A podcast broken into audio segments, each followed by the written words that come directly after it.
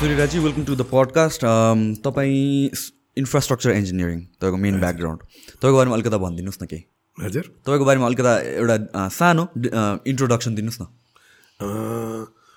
मेरो म जन्मेको कास्की हजुर। पाहाडमा म एक वर्ष हुँदा मेरो बाआमाहरू चितवन झर्नुभयो र म हुर्केको चितवनमा हो। ओके। एउटा किसान परिवारमा हुर्केँ त्यहाँको सरकारी स्कुलबाट एसएलसी गरेँ। त्यसपछि छत्तिस सालमा पहिलोचोटि काठमाडौँ आएको अस्कलमा आइएसी पढ्नको लागि। अनि त्यसपछि त्यतिखेर कोलम्बो प्लान भन्ने हुन्थ्यो। इन्जिनियरिङ पढ्न यहाँ थिएन। अनि म भारतमा चाहिँ कोलम्बो प्लान अन्तर्गत इन्जिनियरिङ सिभिल इन्जिनियरिङमा स्नातक गरेर फर्केँ र त्यसपछि पाँच वर्ष जति नेपाल सरकारको सेवामा थिएँ म। र म पछिल्लोचोटि म स्थायी जब मैले राजीनामा गरेर उच्च उच्च शिक्षा अध्ययनको सिलसिलामा विदेश जाँदाखेरि अनि मैले जागिर छोडेको थिएँ अनि मैले मास्टर्स चाहिँ इआइटी थाइल्यान्डको एसियन इन्स्टिच्युट अफ टेक्नोलोजीबाट त्यहाँ एमई गरेँ अनि त्यसपछि दुई वर्ष जति मैले त्यहाँ युएनको युएन स्क्याप भन्छ ब्याङ्ककमा त्यहाँ इन हाउस कन्सल्ट्यान्ट भएर काम गरेँ र त्यो धेरै महत्त्वपूर्ण मलाई चाहिँ अनुभव भयो त्यतिखेर खास गरी यो पोलिसी लेभलमा डेभलपमेन्टको कुराहरू युएनको अफिसबाट हेर्नेलाई इन्टरनेसनल्सको र मलाई अझ यसले त्यसले चाहिँ खास गरी यो पोलिसी लेभलमा र म इन्जिनियरिङ भएको हुनाले अब यो पूर्वाधारको इन्जिनियरिङको नेपाल हामी चाहिँ त्यसै अविकसित देश थियौँ। त्यो एउटा झनै इन्ट्रेस्ट चाहिँ जाग्यो र अनि टोकियो विश्वविद्यालयमै पिएचडी गर्नको लागि यो पूर्वाधार र क्षेत्रीय विकास विषयमा त्यहाँ पिएचडी गरेँ नाइन्टिन नाइन्टी सिक्समा गएको थिएँ। अनि पोस्टडक दुई वर्ष। पोस्टडक भनेको पिएचडी त्यो डिग्री होइन फेरि। हामी त कहिलेकाहीँ पोस्टडक भनेको पिएचडी भन्दा पनि ठुलो डिग्री त्यस्तो होइन पिएचडी गरिसकेपछि रिसर्च नै हो त्यो एउटा चिज- एक हिसाबले जब हो। तर मैले चाहिँ नि फेलोसिप पाएको थिएँ। जिएसपिएस फेलोसिप दुई वर्ष गरेँ। त्यसपछि म तेह्र वर्ष जति त्यहाँको पूर्वाधार मन्त्रालयसँग सम्बद्ध इन्डिपेन्डेन्ट थिङ्क ट्याङ्क भन्छन् ITPS Institute for Transport Policy स्टडिजमा। तिन वर्ष रिसर्च फेलो र दस वर्ष सिनियर रिसर्च फेलो भएर चाहिँ काम गरेँ। र म नेपाल फर्केको दुई हजार सन् तेह्रमा आठ नौ वर्ष भयो। अनि यहाँ फर्केपछि म अहिले पनि म पुल्चोक क्याम्पसमा एज अ भिजिटिङ फ्याकल्टी भएर पढाउँछु। एउटा सेमेस्टरमा एउटा कोर्सहरू पढाउँछु मास्टर्सको थेसिसहरू सुपरभाइज गर्ने केही। र थोरै राजनीतिमा पनि तत्कालीन साझा पार्टीमा तिन चार वर्ष जति नै संलग्न भएँ गएको प्रतिनिधि सभाको चुनावमा उम्मेदवार पनि भएको थिएँ काठमाडौँको क्षेत्र नम्बर दुईबाट अनि लगभग एक डेढ वर्ष अघि जति त्यो पार्टीबाट पनि अलिकति सोचेको जस्तो राजनीति एक हिसाबले पाठ पनि सिक्यो भनौँ। अलग छु र अहिले यस्तै। अब यो खास गरी विकास सम्बन्धी पूर्वाधार सम्बन्धी राष्ट्रिय एजेन्डाहरूमा छलफलहरूमा गर्ने थोरै आफै अध्ययन अनुसन्धान गर्ने कहिलेकाहीँ इन्टरनेसनल नेटवर्कहरूमा कन्फरेन्सहरूमा जाने।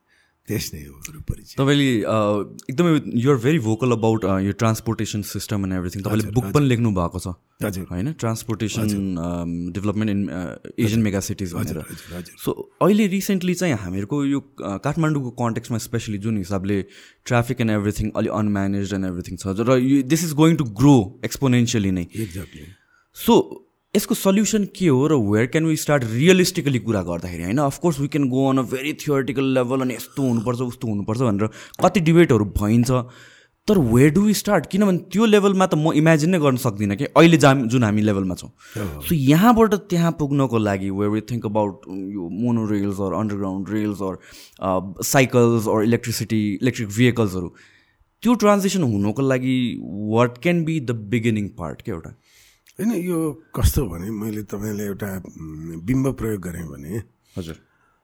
हामी परिवारका उसमा पनि हामीसँगले घर बनाउनु पऱ्यो भने हजुर। चाहिँ तपाईँसँग भएको स्रोत साधनमा एउटा ठुलो दुई ठाउँमा तपाईँको जग्गा छ एकदम प्रिमियम चाहिँ ठाउँमा भने तपाईँले रेजिडेन्सियल काम बनाउने चाँचीको कमर्सियलको काम बनाउने होइन पैसा त छैन ब्याङ्कबाट कतै लोन लियो भने हामी थोरै प्लान गर्छौँ नि। होइन भनेको इमिडिएट निड र लङ टर्मको लागि त्यो रिसोर्सलाई कसरी गर्ने भने इट्स छुट्टा छुट्टै कुरा हो जुन यहाँले सही भन्नुभयो। अहिले इमिडिएटली हामीले हेर्दाखेरि हामी मसिनो सामान्य कुरा पनि हामीले लापरवाही गरेको छौँ। त्यो हामी हिँड्दै गयौँ भने हाम्रा फुटपाथहरू हिँड्न मिल्ने जस्ता छैनन्। होइन अलि पहिला पञ्चायतकै टाइममा हेर्नु हो भने बरु रुखहरू दरबारको वरिपरि रिङ रोडको वरिपरि ग्रिनरी रुखहरू थिए त्यो पनि हामीले काट्यौँ। रुख के भन्छ लगाउने बाटोको छेउमा भनेको त त्यति ठुलो च्यालेन्जिङ कुरो होइन। हो। त्यहाँ कतार र दुबईमा एउटा रुख लगाउनलाई तिनजना ज्यामी हुँदो रहेछ। एउटा रुखको पछाडि। त्यस्तो त होइन हाम्रो त। तर त्यही पनि हामी गर्न सकेको छैनौँ। त्यसैले जुन सानसानो कुराहरू तत्काल अब यो फोहोर मैला व्यवस्थापनको कुरा भन्नुहोस् अथवा बाटोको खाल्टाखुल्टीका कुराहरू ती कुराहरू आम नागरिकमा जुन गुनासो छ त्यो जायज हो र त्यो गर्न सक्नुपर्छ सकिन्छ सजिलै। तर त्यो सँगसँगै अर्को के हो भने जुन यहाँले सङ्केत गर्नुभयो म यो ट्रान्सपोर्टेसनको विषयमा यो मेरो विषय भएर म चाहिँ नि महत्त्वकाङ्क्षी भएर अलि चाहिँ नि के भन्छ एउटा वास्तविकताभन्दा पर रहेर त्यो गरेको होइन। त्यो सुविधा म छैन। म कसरी हो भने हामीले कसरी हेर्नुपर्छ भने यो ट्रान्सपोर्टेसन भनेको यस्तो विषय हो कि यस्तो सेक्टर हो कि हामी अहिले हाम्रो प्रति व्यक्ति आय एघार सय डलर छ। त्यसबाट तिन हजार डलर पाँच हजार डलर पुग्यो भने हाम्रो हामी ट्राभल डिमान्ड भन्छौँ त्यो दुई तिन चार गुणा बढी हुन्छ। अहिले मोटरसाइकल राख्नेको सबैको धनी भएपछि त गाडी राख्ने भन्ने हुन्छ नि। अब फेरि मसँग ड्राइभिङ लाइसेन्स छैन म गाडी चलाउँदैन। एक हिसाबले आई हेट प्राइभेट कार एउटा ट्रान्सपोर्ट प्रोफेसनलकोले यसका के भन्छ रोगहरू के हुन् भन्ने कुरामा म सचेत छु। तर वास्तविकता के हो भने यो जुन सहरी मोबिलिटीमा सहरी नागरिकहरूले उनीहरूलाई प्राइभेट कार भनेको त्यो यस्तो चाहिँ त्यो विषय कि समाजको लागि त्यो दुष्ट पनि हो। फेरि इन्डिभिजुअलको लागि सबभन्दा आकर्षक पनि हो त्यो। अब त्यसलाई व्यवस्थापन कसरी गर्ने र मैले के सन्दर्भमा भन्न खोजेको भने अहिलेको सिनारियो र बिस पच्चिस वर्षपछिको त्यो सिनारियो कस्तो हुन्छ भन्यो भने साँच्चीकै भयावह हुन्छ।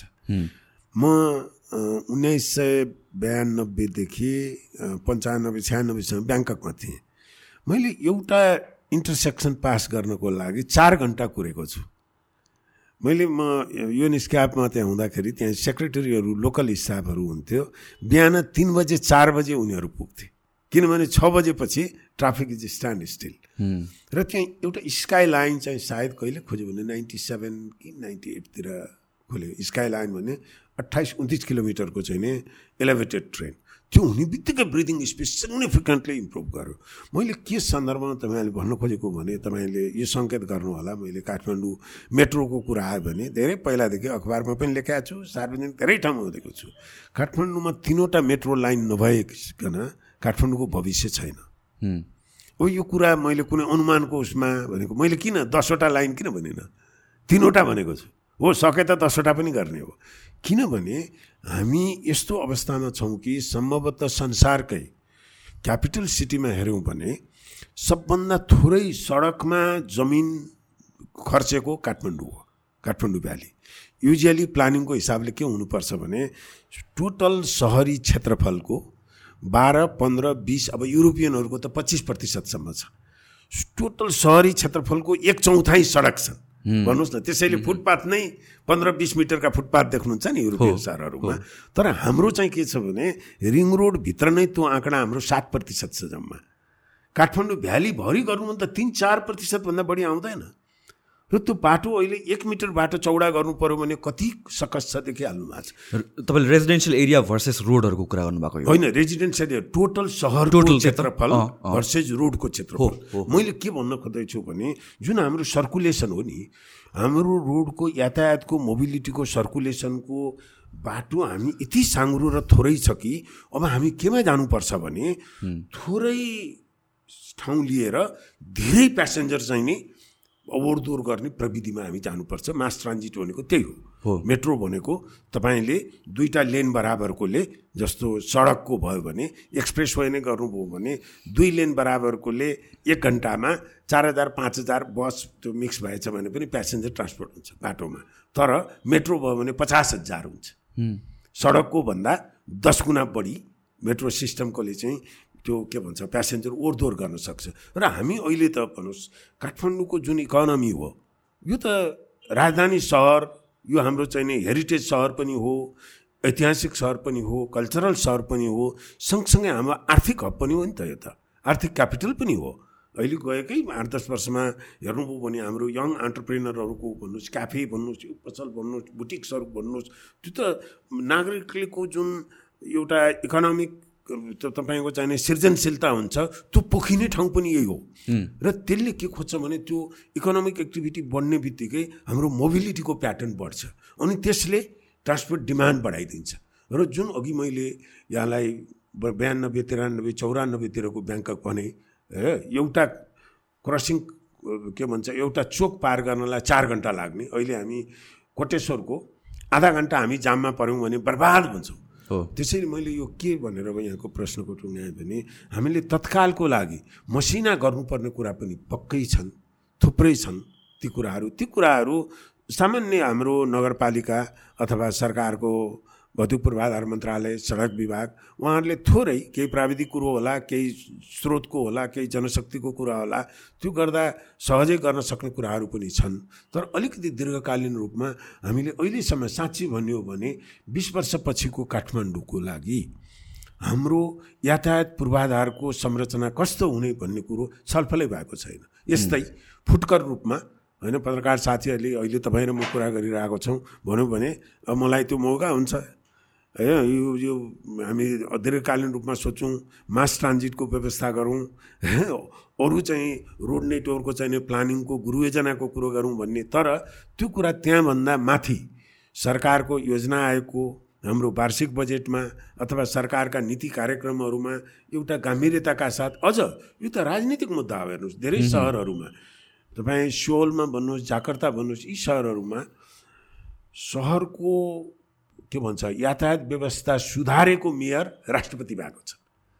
त्यो चाहिँ प्रमुख चाहिँ अब यो के भन्छ सहरी यातायातको मुद्दा त्यो चाहिँ एउटा राजनीतिक मुद्दाको रूपमा चाहिँ नीति आएका छन्। अब त्यसैले हामीले मेरो खालि एउटा छटपट्टि के मात्रै हो भने अहिले हामी जे समस्या देखिरहेको छौँ त्यो समस्याको मधुरो सङ्केत मात्रै हामीले पाएका हौँ। त्यो चाहिँ र साँच्चीकै समस्या आइसकेपछि त हामीले चाहिने त्यो साँच्चीकै त्यो चाहिँ नि एउटा जटिल अब अहिले कस्तो भइसकेको छ भने हामीले हाम्रा सडकहरूमा केही निर्माण गर्नु पऱ्यो भने पनि हामीले चाहिँ त्यो एक लेन सडक लिएर निर्माण गर्ने अवस्थामा पनि छैनौँ सेचुरेसन कोर्समा छौँ। जहाँ कि दस वर्ष पहिला हामीले ट्राफिक अहिलेभन्दा पातलो थियो नि त। अब हामीले मेट्रो नै बनाउने एलिभेटेड बनाउने भन्दै त्यो कन्स्ट्रक्सन गर्नको लागि एक लेन हामीले लिन सक्थ्यौँ त्यतिखेर। तर दस वर्ष अगाडि त्यो ए निर्माणको लागि एक लेन सडक ओगट्ने जुन हामीलाई चाहिने सुविधा थियो अहिले छैन। अब दस वर्षपछि अझ हुँदैन त्यसपछि हामी पुरै अन्डरग्राउन्ड जानुपर्छ। अन्डरग्राउन्ड जाँदा तपाईँको कस्ट चार गुणा बढी हुन्छ।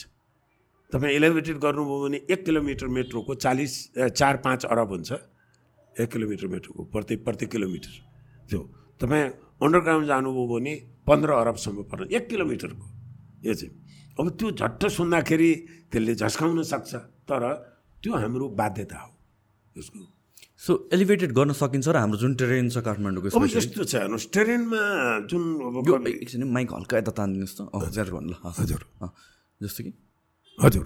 ठिक छ त्यो जुन हाम्रो ट्रेनमा एलिभेटेड सम्भव छ कि छैन भन्नुभयो नि अब हाम्रो जुन जियो टेक्निकल हाम्रो भौगर्भिक जुन अवस्था हो अब त्यसकोमा हाम्रो भ्यारिएसन चाहिँ छ। तर अब खास गरी अब यो जुन हामी फाउन्डेसन इन्जिनियरिङ भन्छौँ जियो टेक्निकल त्यसको सल्युसन निस्किन्छ। होइन हाम्रो भन्दा जस्तो मैले अघि तपाईँको ब्याङ्ककको भने ब्याङ्कक पनि माटोको हिसाबले एकदम जटिल त्यहाँ चाहिँ क्ले सोइलहरू छ उनीहरूको पनि त्यो सजिलो होइन। त्यसैले त्यसको इन्जिनियरिङ समाधान निस्किन्छ। अब कतिपय ठाउँमा जस्तो अझै पनि रिङ रोडमा हामी इलेभेटेड सिस्टममा जान सक्छौँ होइन त्यहाँको कुरा पनि छ। अब हाम्रो नर्थ साउथको बुढा नीलकण्ठदेखि सातो बाटो जाने अब कुनै सेक्सनमा हामी इलेभेटेड जान सक्छौँ। अब सिटीमा आएपछि हामी अन्डरग्राउन्ड नै जानुपर्ने हुनसक्छ। अब त्यो त तपाईँको स्टडी गरिसकेपछि हामीले त्यसको जियो टेक्निकल स्याम्पलिङहरू गरिसकेपछि त्यो प्राविधिक समाधान निकाल्ने हो त्यो। तर प्राविधिक हिसाबले अब यहाँ कस्तो हाम्रो कहिलेकाहीँ यस्ता कुराहरूको बहसमा कस्तो एकदम एढक बहस आइदिन्छ भने ओहो नेपालमा कहाँको चाहिँ मेट्रो हुन्छ? इलेभेटेड यत्रो भूकम्पको छ। होइन? अर्थक्वेकको चाहिँ यस्तो हजार छ। हामीभन्दा धेरै हजार भएको त जापान हो। यहाँ हामी कहाँ आएको? जुन ठुलो भूकम्प आयो तपाईँको कहिले टु थाउजन्ड फिफ्टिनमा होइन त्यो चाहिँ। वर्षको एकचोटि त्यत्रो भूकम्प त जापानमा छ नि। होइन अस्ति मात्रै पनि एक डेढ हप्ता अगाडि आएको थियो होइन। त्यसैले हामी केमा भने हामी यस्ता छलफलहरूमा होइन त्यो उसलाई दिउँ न। इन्जिनियरहरू अर्थक्वेक इन्जिनियरहरू स्ट्रक्चर इन्जिनियरहरू जियो टेक्निकल इन्जिनियरहरू उहाँहरूको कुरा सुनौँ। त्यो। र म एज अ इन्फ्रास्ट्रक्चर इन्जिनियरको हिसाबले म के कुरा आत्मविश्वास साथ भन्न सक्छु भने सल्युसन्स प्राविधिक सल्युसनहरू हो। अलग अलगको सेक्सनमा हामीले त्यहाँको जियो टेक्निकल अवस्था अनुसार त्यसको फाउन्डेसन डिजाइनहरू पाइलिङहरू फरक हुन सक्छ होइन महँगो हुनसक्छ तर सम्भव छ। सो अर्थक्वेक मात्र एउटा भेरिएबल नभएर जस्तो कि हामीहरूको यो टेरेन त एकदमै माथि तल छ नि त। होइन? त्यसले एफेक्ट पर्छ कि पर्दैन? सल्युसन हुन्छ। उकालो रालोको भन्नुभएको त्यसको त्यो के हुन्छ भने हामीले चाहिँ हरेक होइन कुनै ठाउँमा अब हामीले के भन्छ यो हाम्रो बिल्डअप एरियाले गर्दाखेरि पनि अहिले रिङ रोडभित्र आयो भने सम्भवतः हामी अन्डरग्राउन्ड जानुपर्ने पनि हुनसक्छ। तर हामीले बेलैमा अलिकति बुद्धि पुर्याएको भए अहिले हेर्नुहोस् लखनऊ कानपुर इन्डियाको धेरै सहरहरूमा उनीहरूले मेट्रो सुरु गरेको छ। अघि मैले यहाँलाई भने नि हामीले सात आठ वर्ष अगाडि सुरु गर्न सकेको भए जस्तो नर्थ साउथ इस्ट वेस्ट दुइटै लाइनमा धेरै ठाउँमा हामीले कस्तो हुन्छ भने एउटा पिलर तपाईँले लगभग दुई मिटर जति तपाईँले वेस्ट गरेर पिलर गरिदिनु भने माथि खडाएर त्यसको दुईवटा ट्र्याक हुन्छ। त्यो चाहिँ एउटा पुरै लेन पनि माच्नु पर्दैन। त्यो चाहिँ हो। त्यो सम्भावना चाहिँ नै अझै पनि छ कतिपय सेक्सनमा। जसको त्यो त्यसैले यहाँले भन्नुभएको जुन हाम्रो ट्रे टेरेन अथवा जियो टेक्नोलोजी त्यसको समाधान निस्किन्छ। तर इन्टर होइन। इन्टर सिटिजमा त इनसाइड द सिटी त अन्डरग्राउन्डै जानुपर्छ होला होइन? हजुर। इनसाइड द सिटी त अन्डरग्राउन्ड नै जानुपर्छ हामी। होइन त्यसको पनि अब यो अहिले झट्ट हेर्दा चाहिँ तपाईँको जुन बिल्डअप एरिया छ अब जस्तो कस्तो हुन्छ भने हामीले इलेभेटेड बनायौँ भने पनि स्टेसन चाहियो। अब स्टेसन त चौडा हुनु पऱ्यो यहाँ घरहरू बनिसकेको छ बिल्डअप एरियाहरू होइन? अब त्यसलाई हामीले वी निड टु यसलाई चाहिँ के भन्छ अब त्यो फिजि फिजिबिलिटी सम्भाव्यता गर्दाखेरि नै अब होइन त्यस्तो कस्ट र टेक्निकल तपाईँको चाहिने फिजिबिलिटी र त्यसको अब खास गरी जग्गा अभाइलेबिलिटीको कुरा हो। हामीले अब अन्डरग्राउन्ड गर्दाखेरि चाहिँ माथि सर्फेसको जग्गा अधिकरण गर्नु परेन। हामीले तल हो तल बनाउनु चाहिँ अलिकति चाहिँ सहज हुन्छ तर कस्टली हुन्छ त्यो। अब इलेभेटेड गर्दाखेरि अब स्टेसनहरूको ठाउँमा यो चाहिँ बिल्डिङहरू बनिसकेको छ भने होइन अप्ठ्यारो हुने एकोमोडेट गर्न सकिन्छ कि सकिँदैन भन्ने त्यो हेर्नुपर्छ। तर यहाँले भन्नुभएको छ यो अहिलेको झट्ट तपाईँको के भन्छ एक्सरो हेर्दाखेरि रिङ रोडभित्र होइन इलेभेटेड सिस्टम बनाउनलाई अलिक कठिन हुँदै गइरहेको अवस्था चाहिँ हो। तर इम्पोसिबल चाहिँ होइन। इम्पोसिबल चाहिँ होइन इम्पोसिबल होइन। हामीले इन्डियाकै हेरौँ न लखनऊ कानपुर धेरैमा। अब यो हाम्रो के भइदियो भने यो मेट्रोको बस भएको त सात आठ वर्ष भयो नि त। यसको। त्यो सुरु हुँदाखेरि हाम्रो राजनीतिक तहमा हाम्रो ब्युरोक्रेटिक तहमा इभन इन्जिनियरिङ कम्युनिटीको तहमा पनि। पहिला मैले अझै पनि यो तपाईँले हामी मेट्रोको कुरा गरिरहेछौँ यो कार्यक्रम सुन्ने बित्तिकै उसमा चाहिँ म सामाजिक सञ्जालमा उहाँ मेट्रोभन्दा अरू केही पनि देख्नु नसो राजी भन्ने आलोचना आउँछ। हामीले सारभूत बहसमा छिर्दै छिरेनौँ यसको यो कुराको। त्यो जस्तो कानपुरले बनाउन सक्ने मेट्रो है काठमाडौँ त क्यापिटल सिटी हो नि जे भए पनि हामी त यो चाहिँ। होइन त्यहाँ कानपुरमा हेर्नु त्यही नै छ एलिभेटेड सिस्टम नै छ उनीहरूले बनाएको। त्यो के हुन्छ भने त्यो अलिकति चाहिँ नि सस्तो हुन्छ। अघि नै मैले भने लगभग थम रुल के हो भने इलेभेटेडबाट तपाईँ अन्डरग्राउन्ड जानुभयो भने दुईदेखि चार गुणासम्म चाहिँ नि कस्ट बढी हुन्छ। जसको अब त्यो कुरा त अहिले हामीलाई इलेभेटेड नै इलेभेटेड एक किलोमिटरको पाँच अरब पर्छ। बिस किलोमिटर बनाउने हुनुभयो भने एक सय अरब भयो। त्यो त्यो आँकडा नै झस्काउनेवाला छ। त्यसको अब त्योभन्दा तिन गुणा बढी भन्नुभयो एउटा लाइन बनाउँदाखेरि तिन सय अरब लाग्ने भन्यो भने त साँच्चीकै त्यो बोजिलो पनि हुन्छ। ए त्यसको त्यसैले यो मैले खालि के सङ्केत गर्न खोजेको भने यो छलफललाई यो चाहिँ जस्तो काठमाडौँको दुईवटा तहमा काठमाडौँको हाम्रो अर्बन मोबिलिटीको जुन सहरी आवागमन यातायातको समस्या छ त्यसलाई विभिन्न तहमा कुन कुन तहमा कसरी सम्बोधन गर्ने र लङ टर्ममा खास गरी यो मास ट्रान्जिटको यो समस्याको लागि चाहिँ हामीले यो राजनीतिक तहको एउटा चाहिन्छ अब यो मैले बिहान अखबारमा पढ्दै थिएँ। हाम्रा मेयर साहबहरू चुनिने बित्तिकै उहाँहरूले मोनो रेल र मेट्रोको चाहिँ खुब भाषण गर्नुभयो। अहिले आउँदा त चिल्लाइरहेछ केही पनि गर्नु भएन। त्यसैले हाम्रो हेबिटै कस्तो बन्यो भने सिरियसनेस यसमा भएन यस्ता कुराहरूमा। होइन कि? अब राजनीतिक तहबाट होइन केही अब तपाईँको एउटा कोणबाट विकासका अध्यताको कोणबाट पनि तपाईँको प्रश्नमा पनि कता कता त्यो स्केप्टिसिजम म देख्थेँ। होइन मेट्रो हामीलाई चाहिँदैन हामी यस्तो हालत छ हामी घाँटी हेरेर हानिदिनुपर्छ। एक हप्ता छलफल गरेर टुङ्ग्याइदिउँ न त्यो होइन अहिले मेट्रोको चाहिने फ्रिबिलिटी गर्ने भनेर चाहिँ हामी ट्याक्स पेयरको पैसा खर्च गरि पनि राखेको छौँ स्टडी गर्ने भनेर। होइन वान साइन फर अल होइन मेट्रो चाहिने हो कि होइन? होइन हामी यहाँको भएन भने इन्टरनेसनल एक्सपर्टहरू ल्याउँ छलफल गराउँ।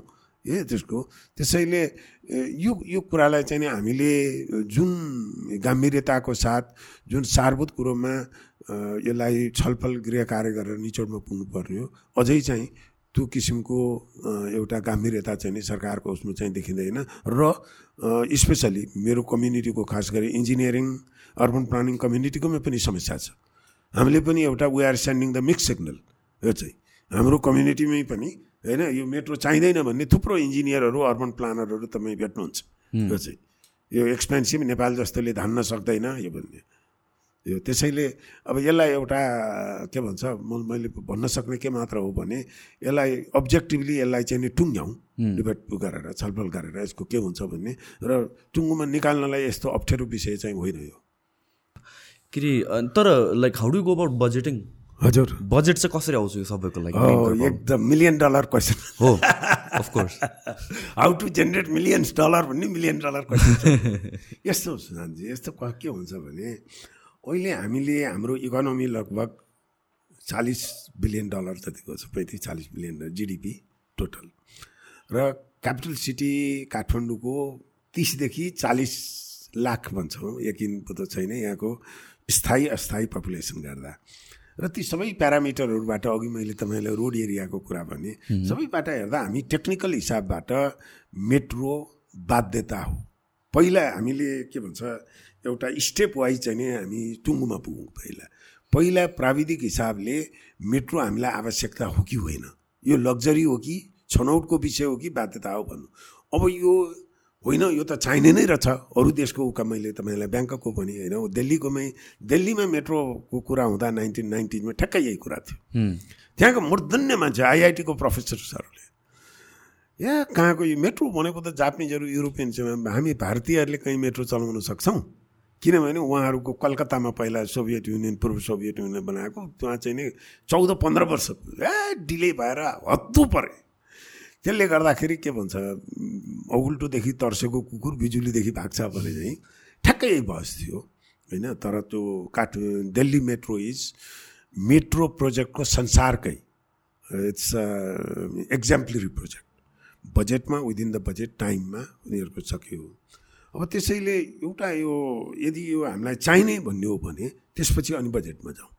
यो कसरी जस्तो मैले तपाईँलाई पहिलो लाइनको भने बिस किलोमिटरको एक सय अरबलाई एक सय पचास अरब नै भन्नुहोस्।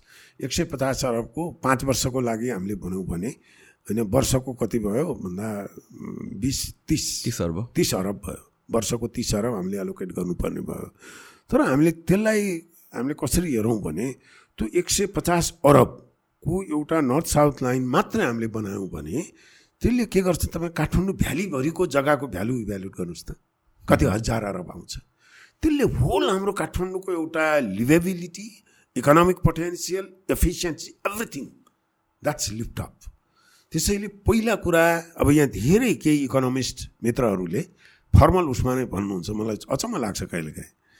त्यो भाडाले कसरी लगानी चाहिने उपर हुन्छ? तपाईँको पनि दिमागमा सायद त्यो प्रश्न थियो कि? भाडा उठाएर त लगानी त असुल उपर गर्नु पर्यो नि। हो। संसारमा कुनै पनि सिङ्गल लाइन छैन। संसारमा। मेरो जानकारीमा आएछ म यो विषयको अध्यता भयो हुनाले मेट्रोको भाडाबाट मेट्रोको इन्भेस्टमेन्ट उठाएको संसारमा कहीँ पनि छैन। होइन राम्रो मेट्रो चलेको सिङ्गापुर हङकङ टोकियो हेर्नु भने त्यहाँ पनि छैन। पार्टले चाहिँ उठाएको हुन्छ। त्यसैले पहिला हामीले के कुरामा कन्फिडेन्स हुनु पऱ्यो भने यो सोसियल इन्भेस्टमेन्ट हो। लङ टर्म सोसल इन्भेस्टमेन्ट हो र यो चाहिँ वेस्टफुल इन्भेस्टमेन्ट होइन। यसको माने छ होइन तपाईँको चाहिँ नि अघि नै हामीले कुरा गरौँ हाम्रो मोबिलिटी आदि इत्यादि कुराबाट। त्यसपछि यसलाई कसरी परिचालन गर्ने त भन्दा हेर्नुहोस् है हाम्रो कस्तो एउटा दुर्भाग्यपूर्ण कुरा भयो भने यो भुइँचालो आएपछि। अर्थक्वेकलाई सामान्यतया दुर्भाग्यपूर्ण कुरा हो। त्यो त्यो राम्रो कुरो होइन अर्थक्वेकको डिजास्टर्स भनेको। तर मलाई चाहिँ अर्बन प्लानिङ पढाउँदाखेरि जापानिज प्रोफेसरले भन्नुहुन्थ्यो हेर यु आर अ प्लानर र प्लानरको लागि चाहिँ नि डिजास्टर इज एन अपर्च्युनिटी र यो टोकियो पनि मोडर्न टोकियो चाहिँ सायद उन्नाइस सय बिसको दशकमा ठुलो आगा लागि भयो फायर भयो।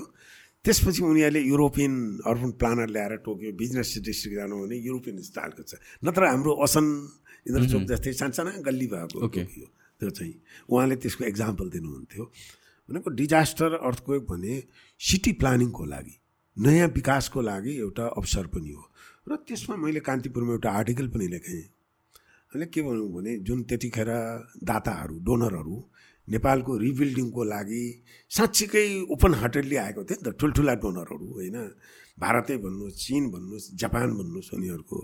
र मैले सरकारमा रहेका मैले नाम नभनौँ केही महत्त्वपूर्ण व्यक्तिहरूलाई मैले के पनि भने हेर्नुहोस् यी डोनरहरूलाई हामीले यो पुनर्निर्माणमा घरहरू बनाउने त हामी स्कुलहरू त हामी आफै पनि बनाउन सक्छौँ। एउटा चाहिँ अब काठमाडौँमा पनि अझै टेको लागेका घरहरू छन् नि त। अब हामी न्यू काठमाडौँ काठमाडौँको फेस लिफ्टअप गर्ने चाहिँ हामी काठमाडौँ रिबिल्डिङको पार्ट चाहिँ नि मेट्रोबाट गर्छौँ। एउटा कन्सेप्ट के छ भने अर्बन डेभलपमेन्टको टिओडी भन्छ ट्रान्जिट ओरिएन्टेड डेभलपमेन्ट भन्ने। तपाईँले यो मास ट्रान्जिटलाई आइसोलेसनमा ट्रान्सपोर्ट मात्र भन्ने होइन। मास ट्रान्जिटलाई यसरी डेभलप गर्नुहोस् कि तपाईँको सहरी विकास र मास ट्रान्जिट चाहिँ कोअर्डिनेट रूपमा चाहिँ नै डेभलप गर्नुहोस्। र त्यसले कस्तो भने जस्तो तपाईँ एउटा स्टेसनको अपार्टमेन्टमा तपाईँ बस्नुहुन्छ रेजिडेन्ट छ त्यहाँबाट भित्रैबाट ओर्लेर स्टेसन पनि भित्रै छ ट्रेन चढ्नुहुन्छ अनि चार स्टेसन पर गएर अर्को टावरमा तपाईँको अफिस छ। त्यस्तो धेरै पाउनुहुन्छ। टोकियो सिङ्गापुर हङकङ उसमा जानुभयो भने त्यसलाई ट्रान्जिट ओरिएन्टेड डेभलपमेन्ट भन्छ र मैले त्यो कन्सेप्टबाट हामी के भनौँ भने कमसेकम फिफ्टी पर्सेन्ट अनुदान दिएछ भने पनि र त्यसमा अर्को स्ट्राटेजिक के हुन्छ भने क्यापिटल सिटीको मेट्रो लाइन नम्बर वान हुन्छ त्यो हाम्रो। र कुनै पनि डोनरको लागि जापान कोरिया चिन फ्रान्स यी कन्ट्रीहरूको लागि के हुन्छ भने कुनै पनि डेभलपिङ कन्ट्रीको क्यापिटल सिटीको नम्बर वान मेट्रो हाम्रो देशले सहयोग गरेको भन्ने कुरा स्ट्राटेजिक भ्यालु हुन्छ। र हामी त्यो पनि आकर्षण गर्न सक्छौँ। भनेपछि मैले के जवाब पाएँ भने तत्कालीन सरकारमा रहनुभएका विद्वानहरूबाट सुराजी तपाईँलाई यो पुनर्निर्माण भनेको थाहै रहन्छ यो पिडिएनएमा मेट्रो पर्दैन। तपाईँ खालि मेट्रोको बाजा बजाउनुहुन्छ। आर्टिकल नै लेखेर पनि आयो जवाब हेर्नुहोस्। मैले भन्न खोजेको के हो भने हामीले कहिल्यै पनि सिरियसली हामीले यो वित्तीय के भन्छ इन्भेस्टमेन्ट कसरी परिचालन गर्ने? अघि मैले भने यो मेट्रोको एउटा जस्तो हङकङ सिङ्गापुर जापानिजहरूको पनि केही सिटीमा हामी भ्यालु क्याप्चर भन्छौँ जस्तो तपाईँले लेभी मल लिन्छ यो अगाडि यहाँ एउटा स्टेसन हुन्छ। यो स्टेसन भयो भने मलाई थाहा त छैन तर यहाँ अहिले एक आनाको लगभग एक करोड डेढ करोड होला जग्गाको भाउ जति होला। यहाँ स्टेसन भएपछि त्यो स्टेसनको डेढ किलोमिटर वरिपरिको जग्गाको भाउ डबल हुन्छ।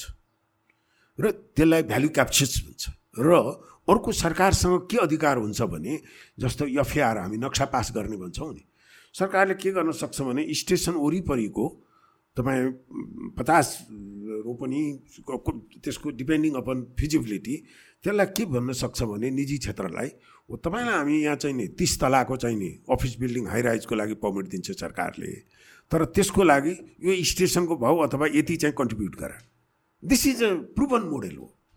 अन्त युज गरिसकिएको। र अर्को जुन यो बिस किलोमिटरको होल करिडरमा मेट्रो बनिसकेपछि एउटा पूर्वाधारको एउटा अप्ठ्यारो पार्ट के हुन्छ भने पूर्वाधारमा लगानी सरकारले गर्छ। तर त्यसको के भन्छ लाभ चाहिँ धेरै जग्गा धनी र घरवालाहरूमा जान्छ। कहीँ पनि। र यो मेट्रोकोमा त अझ धेरै हुन्छ। र त्यसलाई धेरै देशहरूले के गरे हुन्छन् भने भ्यालु क्याप्चर भनेर जस्तो तपाईँको अहिले यहाँ एक करोडको जुन तपाईँको पिस अफ ल्यान्ड छ यहाँ मेट्रो स्टेसन भएपछि त्यसको डेढ करोड पुग्यो अरे। त्यो मध्ये डेढ करोड भनेपछि पचास लाख गेन भयो। त्यहाँ सरकारले दस लाख कर लिँदा तपाईँ बेखुस हुनुहुन्न। छलफलै गरेर गर्न सकिन्छ। दस लाख मात्रै हामीले सायद सात आठ वर्ष अगाडि कान्तिपुरमा हाम्रो आर्टिकल छ एउटा। यसरी बन्न सक्छ काठमाडौँमा मेट्रो भनेर। हामीले के भनेको छौँ भने त्यो गेन भएको एक आनामा सायद एक लाख मात्रै तपाईँले कर लगाउनु भयो भने साठी सत्तरी अरब उठ्छ त्यो इन्फ्लुएन्स एरियाबाट त्यसैले यी बहसहरू होइन हामीले सरकारले कति बियर गर्ने यसरी भ्यालु क्याप्चरबाट कति चाहिँ नै असल उपर गर्ने भन्ने हामीले वर्कआउट नै गरेको छैनौँ र वास्तविकता के हो भने हेर्नुहोस् एउटा तितो यथार्थ भनौँ। अहिले हामी संसारका विकसित देशहरूमा जहाँ मेट्रो देख्छौँ तपाईँ New York London Paris Tokyo Seoul Singapore Hong Kong you cannot imagine तपाईँ ती सहरहरूको दिनचर्या मेट्रो बिना कल्पनै गर्न सक्नुहुन्न हो। मेट्रो त्यसको त्यति सहरको एउटा मेन लाइफ लाइनको रूपमा मेट्रोले सर्भ गरे तर वास्तविकता के हो भने ती सबै सहरहरूमा मेट्रो इन्भेस्टमेन्ट गर्दाखेरि दाँतबाट पसिना निकालेर भन्छौँ नि कठिन कामलाई। हेर्नुहोस्। त्यो सबै देशले फिल गरेका छन्। उन्नाइस सय छत्तिसमा पहिलो गिन्जा लाइन टोकियोले बनायो। सानो एकदम सस्तोमा। त्यसपछि सेकेन्ड रूपमा गयो। उन्नाइस सय छप्पन्नमा दोस्रो लाइन बनायो। त्यो चाहिँ। दोस्रो लाइन बनाउँदाखेरि जापान सरकारको लागि त्यो सहज निर्णय थिएन। कठिन निर्णय थियो। सोलमा उन्नाइस सय बहत्तरमा पहिलो लाइन बनायो। अझै लोन तिर्दैछ कोरियन सरकारले। र त्यो चाहिँ सहज डिसिजन थिएन त्यो लगानी। ठुलो लगानी लोन लिएर उनीहरूले बनायो। त्यसैले हामीले म मेरो एउटा रिफ्लेक्सन यसमा के हो भने हामीले यो दुइटालाई सँगसँगै हेरौँ। पहिला यो मेट्रोको महत्त्व के हो? काठमाडौँ भ्यालीको भविष्यको लागि यहाँको अर्थतन्त्रको लागि मोबिलिटीको लागि प्राविधिक हिसाबले यो आवश्यकता हो कि होइन भन्ने कुरा टुङ्ग्याउँ कि पहिला। अनि त्यसपछि त मौकामा हिरा फर्नुपर्छ भन्छ नि त। होइन र? तपाईँले कुनै कुरा तपाईँको परिवारको लागि गर्नै पर्ने भन्यो भने त अनि त्यसपछि फाइनेन्सिङको सा सरसापट लिने कि यहाँको जग्गा बेचेर गर्ने कि भन्ने त समाधान निस्किन्छ। त्यसैले नेपालको इकोनोमीको लागि हामी गरिब छौँ। त्यो हुँदाहुँदै पनि तपाईँ एउटा मेट्रो लाइनको एक सय पचास दुई सय अरबको एउटा आयोजनाको लागि तपाईँको इन्भेस्टमेन्टकै चाहिँ त्यो कन्सट्रेन्ट हो। हामी दाताहरूसँग लोन लिनु पर्ला कति अनुदान दिने होला होइन? कति हामी आन्तरिक उसबाट पहुनबाट गरौँला ती उपायहरू हामीले खोज्न सक्छौँ खोज्नुपर्छ र असम्भव चाहिँ छैन जस्तो लाग्छ मलाई। I think like one of the most important factor यहाँको लागि चाहिँ ट्रान्सपोर्टेसन कुरा गर्दाखेरि चाहिँ पब्लिक ट्रान्सपोर्टेसन यहाँ प्रपर नै छैन कि? त्यो कारणले गरेर बाध्य भएर पनि धेरैजनाले चाहिँ लाइक हुन्छ नि प्राइभेट भेहिकल्सहरू लिन्छ। किन पब्लिक ट्रान्सपोर्टेसन राम्रो भयो भने त त्यो झन् बेटर हुन्छ जस्तो लाग्छ कि लाइक वेन वी ट्राभल अरू कन्ट्रिजहरूमा जाँदाखेरि लाइक चाइना नै गयो भने पनि मेट्रोमा जान त्यो जस्तो कन्भिनियन्ट केही पनि हुँदैन कि। न पार्किङको झन्झट छ न केही कुराको झन्झट छ। तर त्यसको लागि त यो के अरे ट्रान्सपोर्टेसन जुन यो बाटोमा जामहरू हुने एभ्रिथिङ त्यो घटाउनको लागि त पब्लिक ट्रान्सपोर्टेसन त पहिला त प्रायोरिटी त हुनु पऱ्यो हामीहरूको। हाम्रोमा बस समेत पनि एउटा प्रपरली भनौँ न स्ट्रक्चर्ड छैन क्या होइन? सो मेट्रोको कुराहरू आउँछ। सो यो कन्भर्सेसन स्टार्ट नै भएको छैन सिरियसली एक्जाम्पल यो के भन्नुभयो भने जुन सार्वजनिक यातायात जुन हो नि सार्वजनिक यातायात हाम्रो कस्तो भयो भने त्यो चाहिने पुवर पुवर पिपुल मोड जस्तो भयो। हो एक्ज्याक्टली कार छैन होइन? र अचम्म त कस्तो भयो भने एउटा रमाइलो सन्दर्भ तपाईँलाई भनौँ म गाडी ड्राइभ गर्दिनँ। मेरो परिवारका अरू सदस्यले कहिले काहीँ मलाई ड्रप गरौँ भने गरिदिन्छन् र म सहजताका साथ पब्लिक ट्रान्सपोर्टमा प्रयोग गर्छु। र कहिलेकाहीँ चाहिँ मैले यो सफा टेम्पू चढेको एकजना पत्रकारले देख्नु भएछ त्यो चाहिँ फोटो खिचेर न्युज बनाउनु भयो। र इतिफाकले त्यसको दुई हप्तापछि मलाई विकास समितिमा मेरो एउटा प्रेजेन्टेसन थियो। त्यतिखेर स्वर्गीय रविन्द्र अधिकारी सभापति हुनुहुन्थ्यो निकै एक्टिभ थियो विकास समिति। र मैले त्यो स्लाइड समेत राखेर हेर्नुहोस् म थोरै चाहिँ मलाई लाज पनि लाग्यो।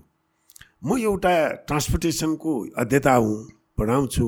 म क्लासमा पढाउँदाखेरि विद्यार्थीहरूलाई पब्लिक सार्वजनिक यातायात चाहिने सुरक्षित हुन्छ राम्रो हुन्छ वातावरणको हिसाबले चाहिने मैत्री हुन्छ सस्तो हुन्छ यसलाई हामीले प्रमोट गर्नुपर्छ भनेर पढाउँछु। र मैले त्यो युज गर्दाखेरि म चाहिने समाचारको विषय भने होइन? उहाँ जस्तो मान्छेले नि सार्वजनिक यातायात चढ्दो रहेछ भन्ने। र मलाई यो तपाईँहरूलाई मैले मान्यज्यूहरूको अगाडि यो के हो भने तपाईँहरूले छलफल गर्ने राजनीतिक विषय हो।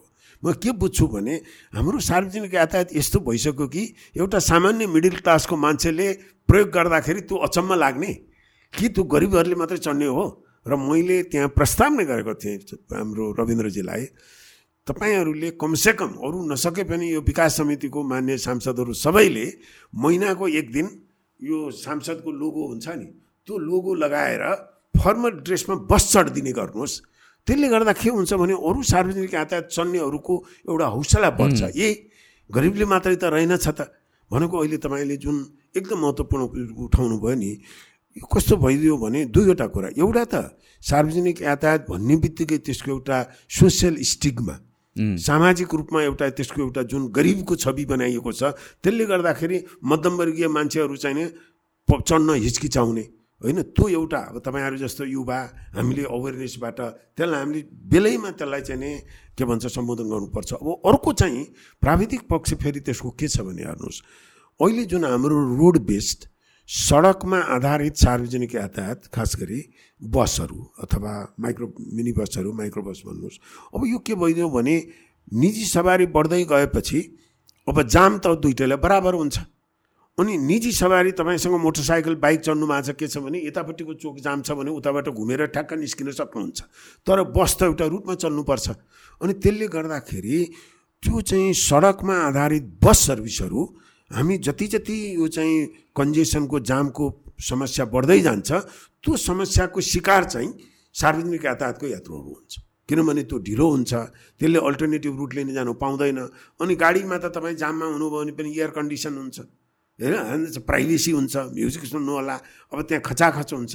त्यसैले यसलाई हामीले दुईवटा उसमा केमा हेर्नुपर्छ जस्तो लाग्छ भने एउटा कुरा म थोरै टिप्पणी गर्ने अनुमति दिनुहोस् यसलाई। हाम्रो एउटा सेक्सनकोले के भने काठमाडौँमा ठुला बसहरू नै समाधान हो भन्ने त गलत हो।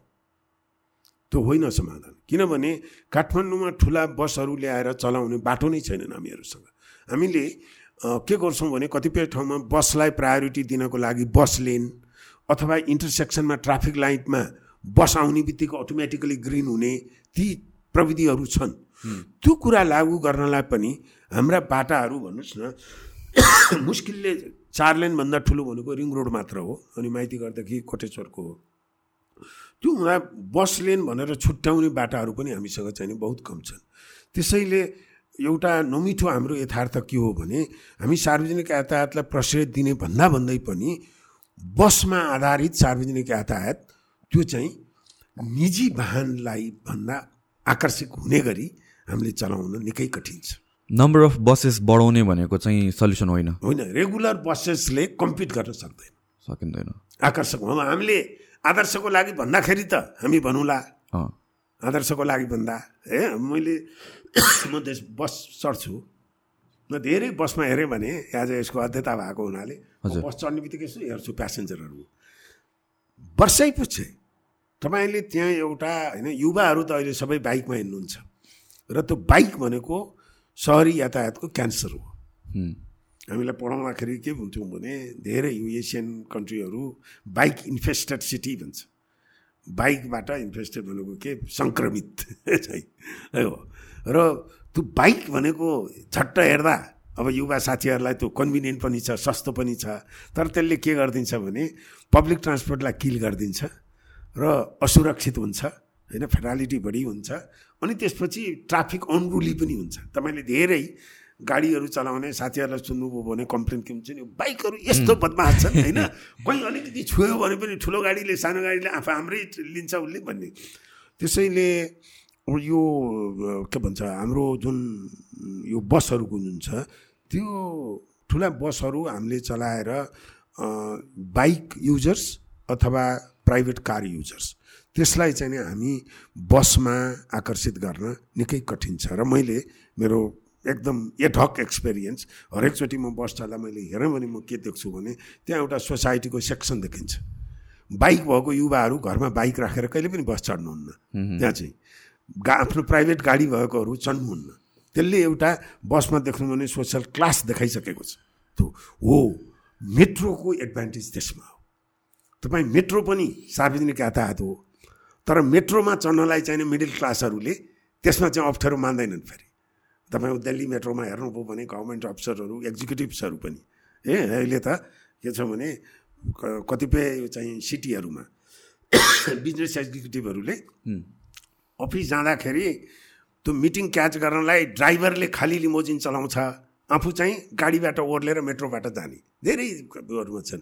त्यसैले मेट्रोको रेल बेस्डको एउटा एडभान्टेज के हो भने त्यो अब आई डोन्ट नो त्यसको साइकोलोजिकल ओटिकल के के के भन्छ त्यसको पर्सेप्सन के हो। तर जसरी बसलाई चाहिँ एउटा के भन्छ समाजको एउटा कमजोर वर्ग गरिब वर्गको मोड हो होइन? यो चाहिँ नि धनीहरूले चढ्ने होइन भनेर एक किसिमको छवि बनेको हुन्छ रोड बेस्ड ट्रान्सपोर्टको तर मेट्रोको चाहिँ त्यो त्यो चाहिँ नि बनेको हुँदैन। त्यो एडभान्टेजले त्यसैले मेट्रोको त्यो किन हुन्छ त? भन्यो भने काठमाडौँमै जस्तो हामीले मेट्रो बनेछ भने यो स्टेसनबाट अर्को स्टेसनमा कति जाने भन्ने प्लस माइनस एक मिनटमा तपाईँ समय निर्धारण गर्न सक्नुहुन्छ। हो। अब बसमा त मिल्दैन अनरिलायबिलिटी हुन्छ। त्यसले गर्दा पनि कार युजरहरूको लागि जुन रिलायबिलिटी र जुन सर्भिसेस होइन एयर कन्डिसन हुन्छ स्मुथ राइड हुन्छ रेलको त्यसले त्यसले गर्दाखेरि हामीले पब्लिक ट्रान्सपोर्ट सार्वजनिक यातायातलाई प्रमोट गर्ने हो भने पनि हामीले दुई तिन लाइन रेल नभइकन सार्वजनिक यातायातलाई बचाइराख्नलाई चाहिँ निकै निकै कठिन हुन्छ। यो फेरि कस्तो catch twenty two kind of situation भयो कि जस्तो कि प्राइभेट भेहिकल्स भर्सेस पब्लिक भेहिकल्सको कुरा आयो नि त। हजुर।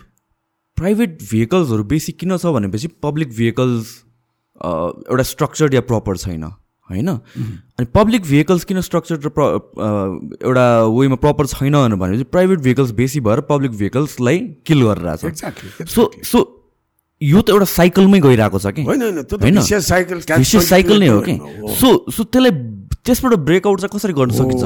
त्यो त्यो बारेमा चाहिँ डिस्कस गर्नु जरुरी छ त्यो ब्रेक गर्ने जुन भिसियस साइकल जुन छ त्यो भिसियस साइकललाई भर्चुअस साइकल बनाउने only instrument is a metro तपाईँले अझै हाम्रो बुकको किताबको कुरा गर्नुभयो। हो।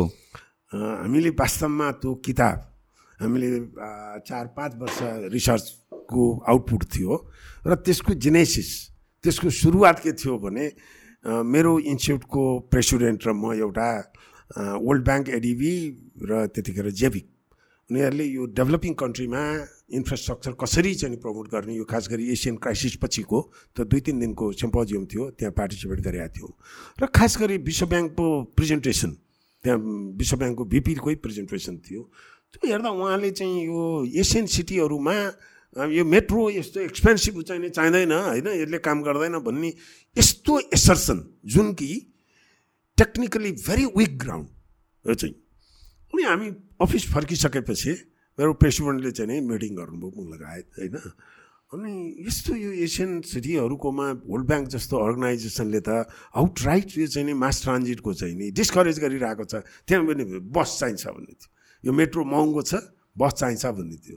र त्यसपछि हामीले खास गरी यो सबै एसियन मेजर सिटीहरूको प्रमिनेन्ट रिसर्चरहरू त्यहाँ कोही गभर्मेन्ट अफिसर हुन्थ्यो युनिभर्सिटीको टप प्रोफेसरहरूको हामीले चार पाँच वर्ष नै छु गरेको थियौँ। र त्यसको एउटा रिजल्ट चाहिँ के थियो भने ठ्याक्कै यो क्याच ट्वेन्टी टू जुन भन्नुभयो यो विशेष साइकललाई भर्चुअस साइकल बनाउने ब्रेक गर्ने सबभन्दा इफेक्टिभ इन्स्ट्रुमेन्ट के हो त भन्दा यो मेट्रो इन्भेस्टमेन्ट हो। र त्यसमा हाम्रो एकदमै पपुलर फे फेमस भनौँ it's very well accepted academic कम्युनिटीमा पनि भएको एउटा चार्ट छ टाइमिङको हामीले के भनौँ भने metro investment is important for Asian mega cities because Asian mega सिटीको छुट्टै क्यारेक्टरिस्टिक छ। भेरी हाई डेन्सिटी अघि मैले भने रोडहरू कम छ कन्जेस्टेड छ होइन? अनि हामीले के भन्यौँ भने मेट्रो इन्भेस्टमेन्ट इज इम्पोर्टेन्ट तर सँगसँगै के पनि इम्पोर्टेन्ट छ भने it has to be in the right timing त्यो धेरै ढिलो भएछ भने तपाईँले के हुन्छ भने सिटीले एउटा सेप लिइसकेको हुन्छ। सिटीले एउटा सेप लिन्छ अनि त्यो सेप लिइसकेपछि मेट्रो लाइन बनाउनु भयो तर मेट्रो स्टेसनभन्दा तपाईँको अपार्टमेन्ट बिल्डिङहरू तिन किलोमिटर पर छ। अनि तिन किलोमिटरबाट मेट्रोमा आउँदै गाडीबाट त्यहाँ आउनलाई जाम भएर पैँतालिस मिनट लाग्छ त उसले किन मेट्रोमा आउँछ? हो त्यो चाहिँ हामीले टाइमिङ त र it was very highly what call यो एक्सेप्टेड एकाडेमिक कम्युनिटीहरूमा पनि म आफै युरोपको धेरै सिटीहरूमा मैले प्रेजेन्टेसन गर्न हामी इन्भाइटेड गरेको थियौँ। एसियाको धेरै तपाईँको होचिमिन जाकर्ता अनि फिलिपिन्स हामीले चाहिँ हाई लेभल त्यहाँको पोलिटिकल लेभलमा प्रेजेन्टेसन गरौँ र धेरै हामीलाई फिडब्याक के थियो भने it's very easily to understand मेट्रोको महत्त्व। किनकि केले छोयो भने कहिलेकाहीँ के हुँदो रहेछ भने तपाईँले जुन अघि सन्दर्भ उठाउनु भयो व्यवहारिक रूपमा। हामी रिसर्च गर्छौँ इन्जिनियरिङ टेक्निकल कुरामा त हामीले गरेको कुरा हामीलाई त दङ्ग पर्छौँ। जर्नलमा आर्टिकल भयो पब्लिस गऱ्यौँ ओहो कस्तो निस्क्यो भने। तर इम्पोर्टेन्ट इज त्यो कुरा त पोलिसी मेकर्स पोलिटिसियनले बुझ्ने हुनु पऱ्यो नि। उसको मनमा छुने हुनु पऱ्यो त्यो चाहिँ। अनि त्यसैले कतिपय यस्ता एकाडेमिक रिसर्चहरू यो के हुन्छ भने डिट्याच हुन्छ। पब्लिक पोलिसी पब्लिक उसबाट। तर हाम्रो त्यो बुकको यो तिन चारवटा कुरा अरू अरू पनि छिन् ती चाहिँ केमा भयो भने मैले धेरै मिनिस्ट्रियल कन्फरेन्सहरूमा मैले किनोट लेक्चर नै डेलिभर गरेका थिएँ यो बुकको बारेमा त्यो। र मन्त्रीहरू उनीहरूबाट पछि हामीले फिडब्याक पाएको थियौँ कति स्पेसल प्रेजेन्टेसन गर्न बोलाउनु भएको थियो गभर्मेन्टकै तर्फबाट। र त्यो एकदमै हामीलाई यसरी आई ओपनर भयो कि यही अहिले जुन हामी कुरा गरिरहेको छौँ मेट्रोको हाम्रो वार्निङ के थियो भने तपाईँहरूलाई ढिलो चाँडो चाहिन्छ चाहिन्छ। तर टाइमिङभन्दा ढिलो गर्नु भने प्रभावकारी हुँदैन। प्रभावकारी हुँदैन। राइट टाइममा हुनुभयो भने के गरिदिन्छ भने त्यो मेट्रोले यातायातको काम मात्र गर्दैन तपाईँको सिटीलाई आकार दिन्छ। अघि मैले ट्रान्जिट ओरिएन्टेड डेभलपमेन्ट पनि नि सिटीलाई एउटा छुट्टै आकार दिन्छ। है सिङ्गापुरमा म एउटा कार्यक्रममा थिएँ सन्दर्भ हेर्नुहोस्। सिङ्गापुरले नाइन्टिन सेभेन्टिजदेखि दस वर्ष अघि तपाईँले सन्दर्भ उठाउनु भएकोले भने सिङ्गापुरलाई बस मात्रै भएको हुन्छ कि मेट्रो चाहिन्छ भनेर? घागडान एउटा वर्ल्ड ब्याङ्क ग्रुप अर्को सायद हार्वर्ड युनिभर्सिटीको प्राध्यापकहरू थिए दुईवटा ग्रुपकोले छुट्टा छुट्टै रिपोर्ट दियो। लेक्वान्युले सेभेन्टिजको एन्डमा यो चाहिँ सर्भिस सिटी हो सिङ्गापुर त सर्भिस इकोनोमी। म बेस्ट मोबिलिटी बनाउँछु भनेपछि एउटा ग्रुपले के दियो भने अल बस सिस्टम। मेट्रो महँगो त्यो मेट्रोले गर्ने काम प्यासेन्जर बोक्ने त हो नि। बसले गर्न सक्छ भन्ने भयो अर्कोले होइन। It's two different thing basically metro चाहिन्छ भन्ने भयो तर सिङ्गापुरकोले युजली पोलिटिकल लेभलमा सस्तो छ सहजै छ भने त बस एट्र्याक्टिभ भयो। उनीहरूले बस एडप्ट गरे एकदम एक्सप्रेस बस बस लेन तर इट डिन्ट वर्क पाँच छ वर्षपछि दे रियलाइज होइन कन्जेसन छ यसमा छ र दस वर्षपछि पहिलो metro line Singapore is a lagged हामीले त्यही बुकमै एउटा अब फर्मुला पनि छ। मेरो बोसको नाउँ र मेरोबाट Marichi Acharya index IPN index यो चाहिँ नि। भन्ने जुन इन्डेक्स क्वालालम्पुरको मेट्रोको डिसाइड गर्दाखेरि विदाउट आवर नोटिसिङ त्यहाँको न्युज पेपरले त्यसलाई न्युज बनाएको थियो हाम्रो इन्डेक्सलाई लिएर त्यसमा। अनि त्यो इन्डेक्स हामीले के गर्छौँ भने कुनै पनि सिटी मेट्रो इन्भेस्टमेन्टको लागि चाहिने राइट टाइमिङ छ कि छैन भनेर निकाल्न मिल्छ। सिम्पल फर्मुला छ त्यस्तो ठुलो होइन। अनि सिङ्गापुरको चाहिँ डिले थियो। ओके। र म यो एउटा प्रोग्राममा त्यो त्यो पछि अब पहिला त म सिङ्गापुर गइरहेको थिएँ I never thought in that way तर हाम्रो त्यो फर्मुलाबाट ढिलो भयो भनेर निस्केपछि म एक दिनभरि चाहिँ म त्यो मेट्रोको स्टेसनकोमा I try to reflect on. होइन हाम्रोले त ढिलो भयो साँच्चै ढिलो भयो कि भन्दा द इन्ट्रेस्टिङ फाइन्ड मेरो के आयो भने हेर्नुहोस् साँच्चीकै ढिलो भएको रहेछ। के रहेछ भने तपाईँ सिङ्गापुर जानुभयो भने Singapore is known for a very good public transport यो चाहिँ। त्यहाँ स्टेसन छ। तर त्यो त्यो रेलवे स्टेसन छ तर तपाईँ त्यो रेलवे स्टेसनबाट एक सय मिटर पर हुनुहुन्छ भने तपाईँलाई फिल गर्नु न कि त्यहाँ रेलवे स्टेसन छ भन्ने। जहाँ कि जहाँ कि हङकङ अथवा टोकियो जानुभयो भने त्यहाँ के भन्छन् भने तपाईँलाई रेलवे स्टेसन जानु छ भने बाटो सोध्नै पर्दैन।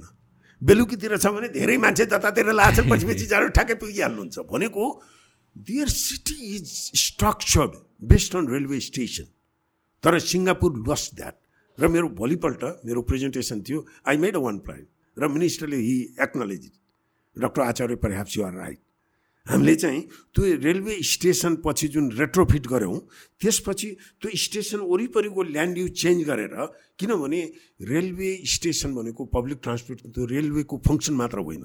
Railway station is a public place त्यहाँ रेलवे स्टेसनको अगाडि प्लाजा हुन्छ पार्किङ हुन्छ। इट्स सिटीको भन्नुहोस् न एउटा एउटा सिटीको लिभाबिलिटी त्यो सिटी स्ट्रक्चर अर्बन डिजाइनको इम्पोर्टेन्ट इलेमेन्ट जुन कुरा सिङ्गापुरले जुन दस वर्षपछि मेट्रो बनाउँदाखेरि they somehow struggle it यो चाहिँ। त्यसैले मैले अलि लामो यो व्याख्या गरेँ। मैले खालि के भन्न खोज्या भने अघिको कुरामा जुन यो बराबर म अखबारहरूमा पढ्ने गर्छु नेपालमा हामी मेट्रो भनेको लग्जरी हो पैसा छैन कहाँ छ यो ठुला बसले भन्ने। ठुला बस इमिडिएट हो। मैले त्यो त हामी पब्लिक ट्रान्सपोर्टमा के भन्छौँ भने फ्यामिली अफ पब्लिक ट्रान्सपोर्ट हुन्छ। मैले के भने मैले तिनवटा लाइनको कुरा नै गरेको छु। मैले पन्ध्रवटा लाइन भने त छैन। तिनवटा मेट्रो लाइनले एक एभ्री कर्नरमा त पुग्दैन। अनि त्यो मेट्रो स्टेसनबाट फिड गर्ने बस चाहिन्छ सफा टेम्पो चाहिन्छ मिनी बस चाहिन्छ। It has to become in the family of the public transport hierarchical उसमा। त्यो चाहिँ। तर अहिले नै हामीले जुन एउटा न्यारेटिभ बिल्डन गर्न खोज्ने छ खास गरी यो नन टेक्निकल पार्टबाट अब यसलाई अन्यथा नमानिदिनु होला यहाँको श्रोताहरूले। हाम्रो एउटा अलिकति चाहिने यो पब्लिक डिस्कोर्सेस विकासको बहसमा कस्तो भयो भने सबभन्दा सजिलो कुरा हेर्नुहोस् कुनै पनि यो डेभलपमेन्टको कुराहरू at the end of the day ultimately political issue हुन्छ मेट्रो पनि पोलिटिकल हो प्राइम मिनिस्टरले डिसिजन गर्ने कुरा तपाईँलाई मैले तपाईँ जतिसुकै कन्भिन्स भए पनि काम गर्दैन मैले जति बल गरेँ पनि तर त्यो एजेन्डाको विकासको एजेन्डाको सुरुको चरणमा के हुन्छ भने टेक्निकल कुराहरू हुन्छ हामी त्यहाँबाट सुरु गर्छौँ र technical issues are easier to sort it out त्यसको एउटा विज्ञान हुन्छ तर हामीले अहिले मैले के सन्दर्भमा भन्न खोजेको भने काठमाडौँमा चाहिँ मेट्रो चाहिँदैन ठुला बस मात्रै भयो हुन्छ भन्ने कहाँबाट आउँछ भन्दा अखबारको कलम लेख्नुहुन्छ कोही। Who. Who has very little idea about यसको प्राविधिक पक्षको हो यसको सामाजिक पक्ष यसको वित्तीय पक्ष पोलिटिकल यो महँगो छ यो सस्तो छ भन्दा इट माइट अपियर टेम्पटिङ एकदम झट्ट हेर्दा आकर्षक लाग्न सक्छ। तर त्यो चाहिँ एउटा लजिकल डिस्कसनको त्यो प्रोटोकल सही होइन। हो पहिला हामीले के चाहिँ सर्ट आउट गर्नु पऱ्यो भने अघि नै मैले भने ठुला बसहरूको भूमिका केसम्म मात्र हो। त्यसको लिमिटेसन के हो? अब अहिले हामीले पोलिटिसियनहरूलाई भन्नुहोस् न होइन पोलिटिसियनहरूले त हामीले जे भन्छौँ त्यसैबाट बनेको एउटा नेरेटिभको आधारमा उहाँहरूले राजनीतिक सोच बनाउने हो। होइन काठमाडौँमा त बस भए पुग्छ होइन जुन कुरा मैले ऊ सिङ्गापुरको अघि तपाईँलाई इक्जाम्पल दिएँ। होइन सिङ्गापुर लिक्वानी हो पनि अलिक अलमलमा त परेछन् नि त। दे लस्ट त्यहाँ रिपोर्ट नै छ। It's a great MRT डिभाइट in Singapore Singapore lost ten years time भन्ने। हो त्यसैले यी छलफलमा होइन खास गरी ठुला बसको मैले फेरि भन्न चाहेँ ठुला बसको महत्त्व बिल्कुलै छ। तिनको आफ्नै भूमिका छ काठमाडौँको चाहिँ अर्बन मोबिलिटीमा तर त्यसले मेट्रोको जुन कुरा हो त्यसलाई रिप्लेस गर्नु होइन। त्यसको छुट्टा छुट्टै भूमिका छ त्यस अर्थले हामीले हेर्नुपर्छ so let's say I'm convinced होइन? यो कि लाइक हामीलाई मेट्रो चाहिन्छ। हजुर। यो हाइपोथेटिकल सिचुएसनमा इनिसिएटिभ कसले लिने हो? इज इट लाइक मेयरले लिने हो कि? फाइनेन्स मिनिस्टरले लिने हो कि? रोड एन्ड ट्रान्सपोर्टेसन डिपार्टमेन्ट लिने हो कि? फर्स्ट लेभल अफ इनिसिएसन कहाँबाट आउँछ? अब यसको इनिसिएसन त यो किनभने क्यापिटल सिटीको मेट्रो भनेपछि यो सङ्घीय सरकारले लिनुपर्छ। किनभने हाम्रो यो मेयरहरू अथवा नगरपालिकाको मात्रै क्षमता हुँदैन। दुईवटा हिसाबले। एउटा चाहिँ वित्तीय क्षमता पनि हुँदैन। अर्को यसको जुन व्यवस्थापन हो जस्तो मेट्रो लाइन नै चारवटा नगरपालिका भएर पार हुन्छ। होइन यसको चाहिँ समायोजन यसको ऐनै छुट्टै चाहिन्छ। मेट्रो भएपछि रेलवे सम्बन्धी ऐनको यसको व्यवस्थापन रेगुलेसनको सेफ्टी छुट्टै नै हुन्छ। तर नगरपालिकाले के चाहिँ भूमिका खेल्नुपर्छ भने एउटा यसको लबिस गर्ने माग्ने नगरपालिकाले हो। किनभने मेट्रो चाहिने हाम्रो भौतिक पूर्वाधार मन्त्रीलाई होइन। मेट्रो चाहिने चाहिँ मेयरहरूलाई हो। ओके। तर त्यो गर्न सक्ने चाहिँ फेरि भौतिक पूर्वाधार मन्त्रालयले नै हो। त्यसैले पहिलो कुरा अब यो स्थानीय सरकार र केन्द्रीय सरकार दुइटैको एउटा कोलाबोरेसनबाट चाहियो। र अर्को महत्त्वपूर्ण कुरा के हो भने यसमा अहिलेसम्मको छलफलमा हामीले मिस गरेको सबभन्दा पहिला सँगसँगै यसमा अघि मैले जुन भ्यालु क्याप्चर बिजनेसको यो भने नि हामीले यो मेट्रो भनेपछि साँच्चै अहिले भन्यो भने काठमाडौँ हाम्रो संसारमै क्लाइमेटिक हिसाबले यस्तो आइडियल ठाउँ पर्दो रहेछ कि। म छत्तिस सालमा यहाँ पहिला आउँदाखेरि फ्यान देख्दैन थिएँ सिलिङ फ्यान अझै पनि काठमाडौँको घरहरू सिलिङ फ्यान राख्नुपर्ने गरी बनाएको छैन नि। अब पछि हाम्रो कन्क्रिट जङ्गल भयो अलिअलि गर्मी हुँदै भयो तैपनि यो गर्मी काठमाडौँको गर्मी केही गर्मी होइन। त्यस्तै जाडोमा अब यो अहिले एयर कन्डिसनहरू वास्तवमा हामीले अलिकति यो अर्बन प्लानिङ त्यो भनौँ भने हामी यो एनर्जी कन्जम्सन हाम्रो बिल्डिङहरूको होइन एयर कन्डिसन पनि वर्षैपछि त हामी चलाउँदैनौँ त्यो चाहिँ। त्यो हिसाबले गर्दाखेरि काठमाडौँलाई हामीले एज अ बिजनेस तपाईँको चाहिँ पोटेन्सियल भन्नुहोस् न। खास गरी अब यो चाहिँ निजी क्षेत्रको चाहे चाहिँ टुरिज्मकोले भनौँ अथवा सेवा उद्योगको हिसाबले भनौँ त्यसमा त्यसमा चाहिँ मेट्रोको के हो भने यो अघि नै मैले भने यातायातको मात्र नभएर त्यो एउटा बिजनेस पोटेन्सियललाई भाइबल बनाउने पनि महत्त्वपूर्ण यो इन्स्ट्रुमेन्ट हो। त्यसैले यसमा तिनवटै केन्द्रीय सरकार स्थानीय सरकार र बिजनेस कम्युनिटी।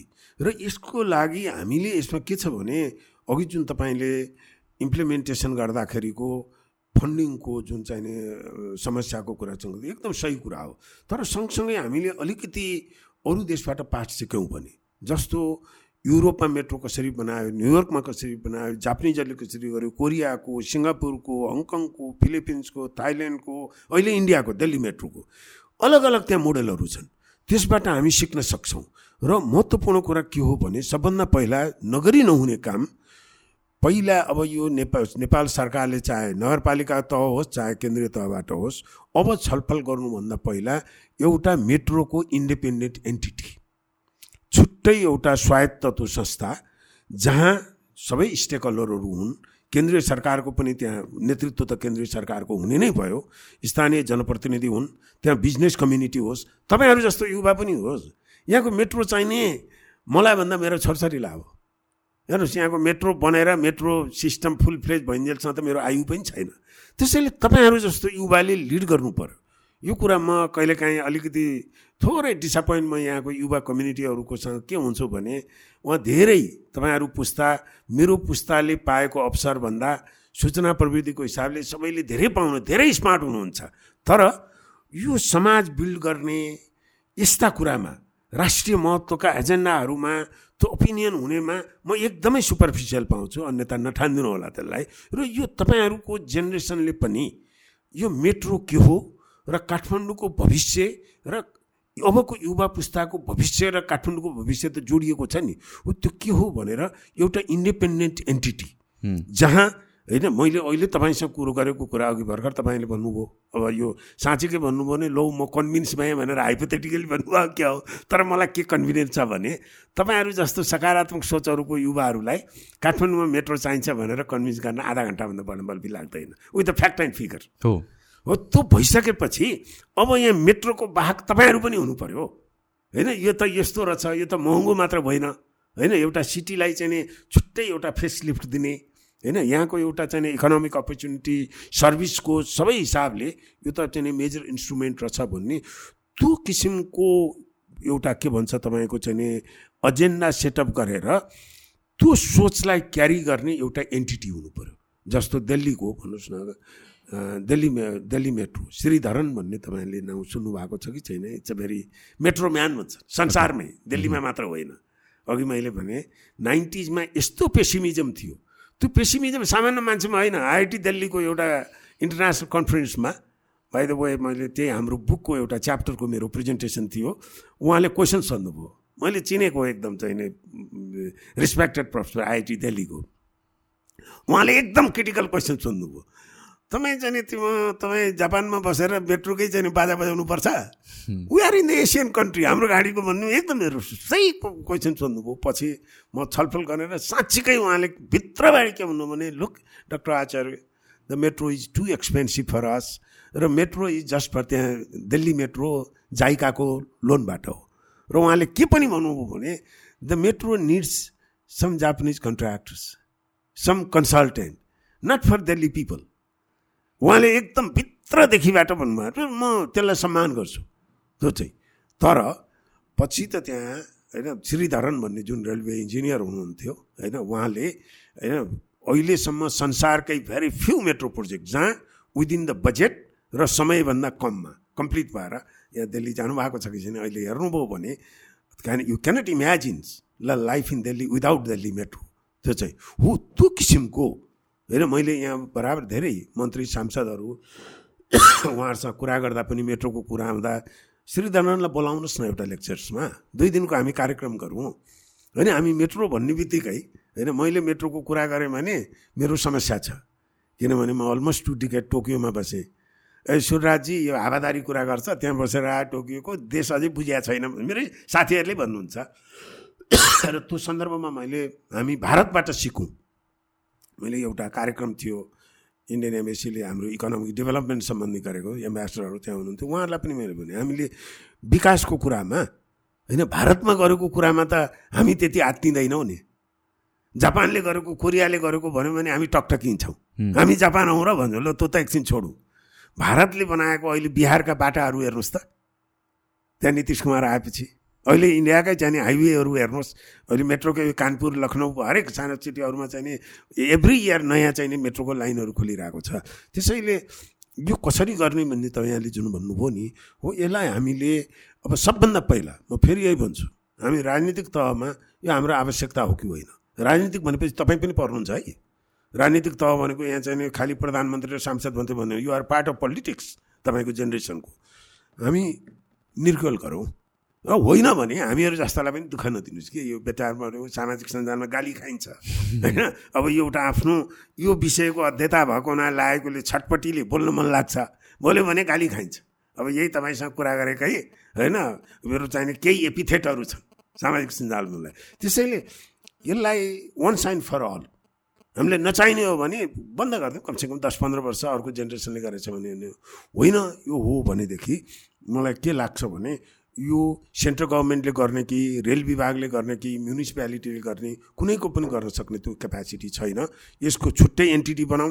ऊ श्रीधरन जस्तोलाई एडभाइजर राखौँ न। उहाँले मान्नुहुन्छ होला नेपाल सरकारले प्रधानमन्त्रीजीले रिक्वेस्ट गर्नुहोस्।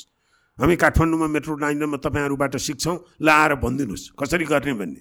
उहाँले त अहिले त श्रीधरनको उहाँका थुप्रै उहाँले ट्रेन गरेका मेट्रोका इन्जिनियरहरू म्यानेजरहरू त दर्जनौ छन्। होइन? उहाँहरू प्राउड गर्नुहुन्छ भिजिटेड रिसर्चकै हिसाबमा दिल्ली मेट्रोकोमा जाँदाखेरि दस वर्ष अगाडि र अहिले उहाँले जुन कन्फिडेन्स गर्नुभयो। हो किनकि अन्डरग्राउन्ड मेट्रोको त्यसको कन्भेन्सनल रेलवेभन्दा अलिक फरक प्रविधि हो त्यसलाई। तर जुन जुन किसिमको मैले यहाँलाई जुन भने नाइन्टीमा भारतमै चाहिँ जुन हेजिटेसन थियो जुन किसिमको मेट्रो हामीले व्यवस्थापन गर्न सक्छ सक्दैनौँ भन्ने अहिले त्यसरी भएको छ भने ठिक छ भारतकै लेभलमा हाम्रो प्राविधिक क्षमता नहोला। तर त्यहाँबाट सिकेर हामी त्यति धेरै हिनताबोध भएर यो बर्बादै हो भन्ने अवस्था नै होइन। त्यसैले एउटा इन्डिपेन्डेन्ट एन्टिटी मेट्रोको म खास गरी तपाईँले यो सन्दर्भ उठाउनु भयो तपाईँको कार्यक्रम मार्फत पनि सरकारका जिम्मेवार उहाँहरूलाई म के चाहिँ प्रस्ताव गर्न चाहन्छु भने एउटा सङ्घीय सरकारको स्थानीय सरकारहरूको प्रदेश सरकारको यहाँको बिजनेस कम्युनिटीको र खास गरी नयाँ पुस्ताको समेत त्यसमा चाहिँ इन्भल्भ हुने गरी एउटा स्टेक होल्डरको एउटा एन्टिटी नयाँ बनाएर अनि यसलाई हामीले अगाडि बढाउँदाखेरि विभिन्न मोडालिटीहरूमा हामी गृह कार्य गर्न सक्छौँ। यो ट्रान्सपोर्टेसनको कुरा आउँदाखेरि एउटा डिबेटेबल कुरा आउँछ निजगढ एयरपोर्टको बारेमा। त्यसको बारेमा तपाईँको के ओपिनियन छ? हुनुपर्छ हुनु पर्दैन हामीलाई जरुरी छ छैन? के केलाई भन्नुभयो? निजगढ एयरपोर्ट। तपाईँले मलाई अर्को भुङ्रोमा तान्नु सुशान्तजी। निजगढ एयरपोर्टको बारेमा मेरो के हो भने हेर्नुहोस् अब यो पनि तपाईँहरूको खास गरी मलाई दिक्क के लाग्छ भने तपाईँहरूको धेरै यो वातावरणमा का केही युवा अभियन्ता साथीहरू धेरै गुनासो गर्नुहुन्छ मसँग। सर तपाईँहरू जस्तोले नि यस्तो निजगढको यो वातावरण बर्बाद पार्ने गर्ने भन्नुहुन्छ। हामीलाई जरुरत छ कि छैन यतिवटा एयरपोर्ट भइसकेपछि? हजुर? हामीहरूकोमा त अब तिनवटा तिनवटा एयरपोर्ट छ इन्टरनेसनल एयरपोर्ट हामीलाई फेरि अर्को एयरपोर्ट चाहिन्छ कि चाहिँदैन भन्ने कुरा। होइन हाम्रो बस कस्तो भयो भने नि सुजानजी हामी फ्याक्टमा भन्दा हाम्रो यहाँ कथा कथाबाट यस्ता यस्ता कथ्य निर्माण हुन्छन् न्यारेटिभ निर्माण हुन्छन्। हामी अनि हामी त्यो तथ्यमा र रियल एजेन्डामा जाँदैनौँ त्यो न्यारेटिभहरूमा जान्छन्। नेपालमा एउटा पनि इन्टरनेसनल एयरपोर्ट छैन। मैले भन्न मिल्छ। म यो विषयको वेद्यता हुँ। अन्तर्राष्ट्रिय एयरपोर्ट हुनुपर्ने जुन मापदण्डहरू हुन्छ नि त मिनिमम। नाम मात्रै अन्तर्राष्ट्रिय राखेर हुने त होइन नि। यहाँ चाहिँ। र कुनै पनि होइन त्रिभुवन अन्तर्राष्ट्रिय विमानस्थल काम चलाऊ। त्यसैले नै उन्नाइस सय असी भनेपछि चालिस वर्ष अगाडिदेखि हाम्रो फाइभ इयर प्लानमा लिस्टिङ भएको हामीले वैकल्पिक चाहिने एयरपोर्ट खोज्नुपर्छ भनेर। त्यहाँ भएका जुन योजनाकारहरू जे जस्ता छन् उहाँहरूले त्यसै हावाको तालमा त आएको त होइन नि। जे भए पनि यसका विज्ञहरू हेर्नुहोस्। अहिले जुन हाम्रो इन्टरनेसनल एयरपोर्ट चलिरहेको छ आइका आउका मापदण्डहरू छन् संसारका एयरलाइन्सका प्लेनहरू त्यहाँ चल्छन्। हाम्रो देश जतिसुकै समस्या हुँदाखेरि पनि यहाँ आए भिजिटेड म त्यहाँको ऱ्याडर सिस्टम के हुन्छ?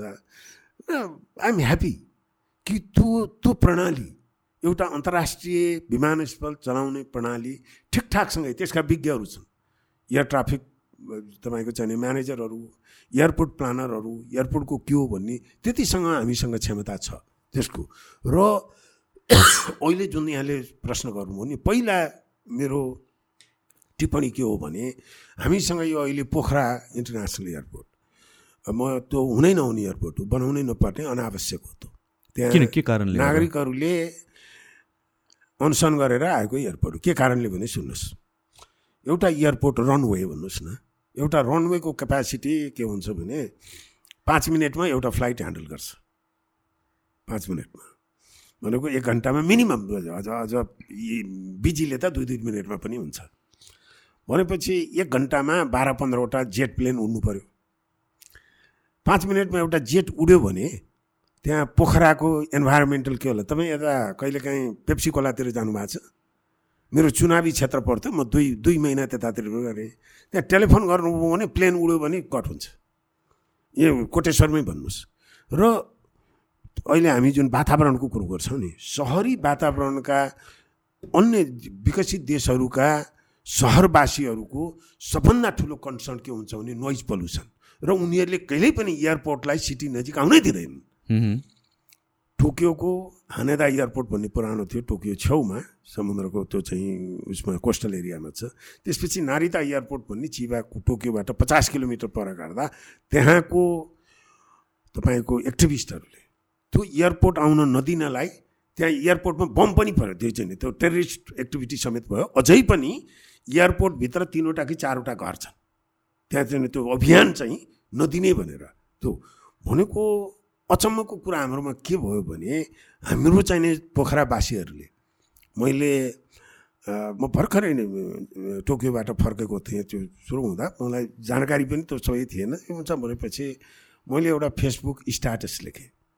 यो तपाईँहरूलाई आवश्यकता होइन। बरु काठमाडौँ पोखराको रेल माग्नुहोस् पोखरा भैरवाको फास्ट ट्र्याक माग्नुहोस् पोखरा एयरपोर्ट चाहिने तपाईँहरूलाई अहिले त्यो आवश्यकता जहाँ छ त्यो पोखरा टुरिज्म सिटीको ब्युटीलाई त्यसले किल गर्छ। इन्भाइरोमेन्टको उसले। त्यो पनि ठुलो जात पनि जाने होइन। त्यहाँको एकजना बिजनेसम्यानले जवाफ लेख्नुभयो। डक्टर साहब तपाईँले अर्को यस्तै लेख्नुभयो भने पोखरा आउन तपाईँलाई हामी एम्बार्गो गर्छौँ भन्नु अनि मैले तत्कालीन विकास समितिको रविन्द्र अधिकारी हुनुहुन्थ्यो मेरो राम्रो सुन थियो उहाँसँग कुरा गरेँ। उहाँले नि के भन्नु भने नक्सा यो कुरा नउठाइदिनुहोस्। यो त मैले केही कर्मचारी साथीहरूसँग भने यो चाहिँ तपाईँहरूको प्लान के छ? कुन प्लानिङ होइन त्यहाँ त राजनीतिक रूपमा हेऱ्यो भन्यो।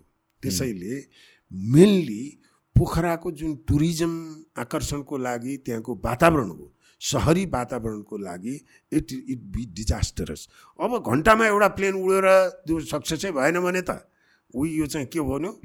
Success your dam failure your ड्यामको situation हो। त्यो अब अर्को भन्नुहोस् भइरहेको पनि। खास गरी म यो इन्भाइरोमेन्टल हाम्रो अभियन्ता साथीहरू हुनुहुन्छ बाई द वे मेरो स्नातकोत्तरको विषय चाहिँ नै स्रोत व्यवस्थापन हो वातावरणकै हो।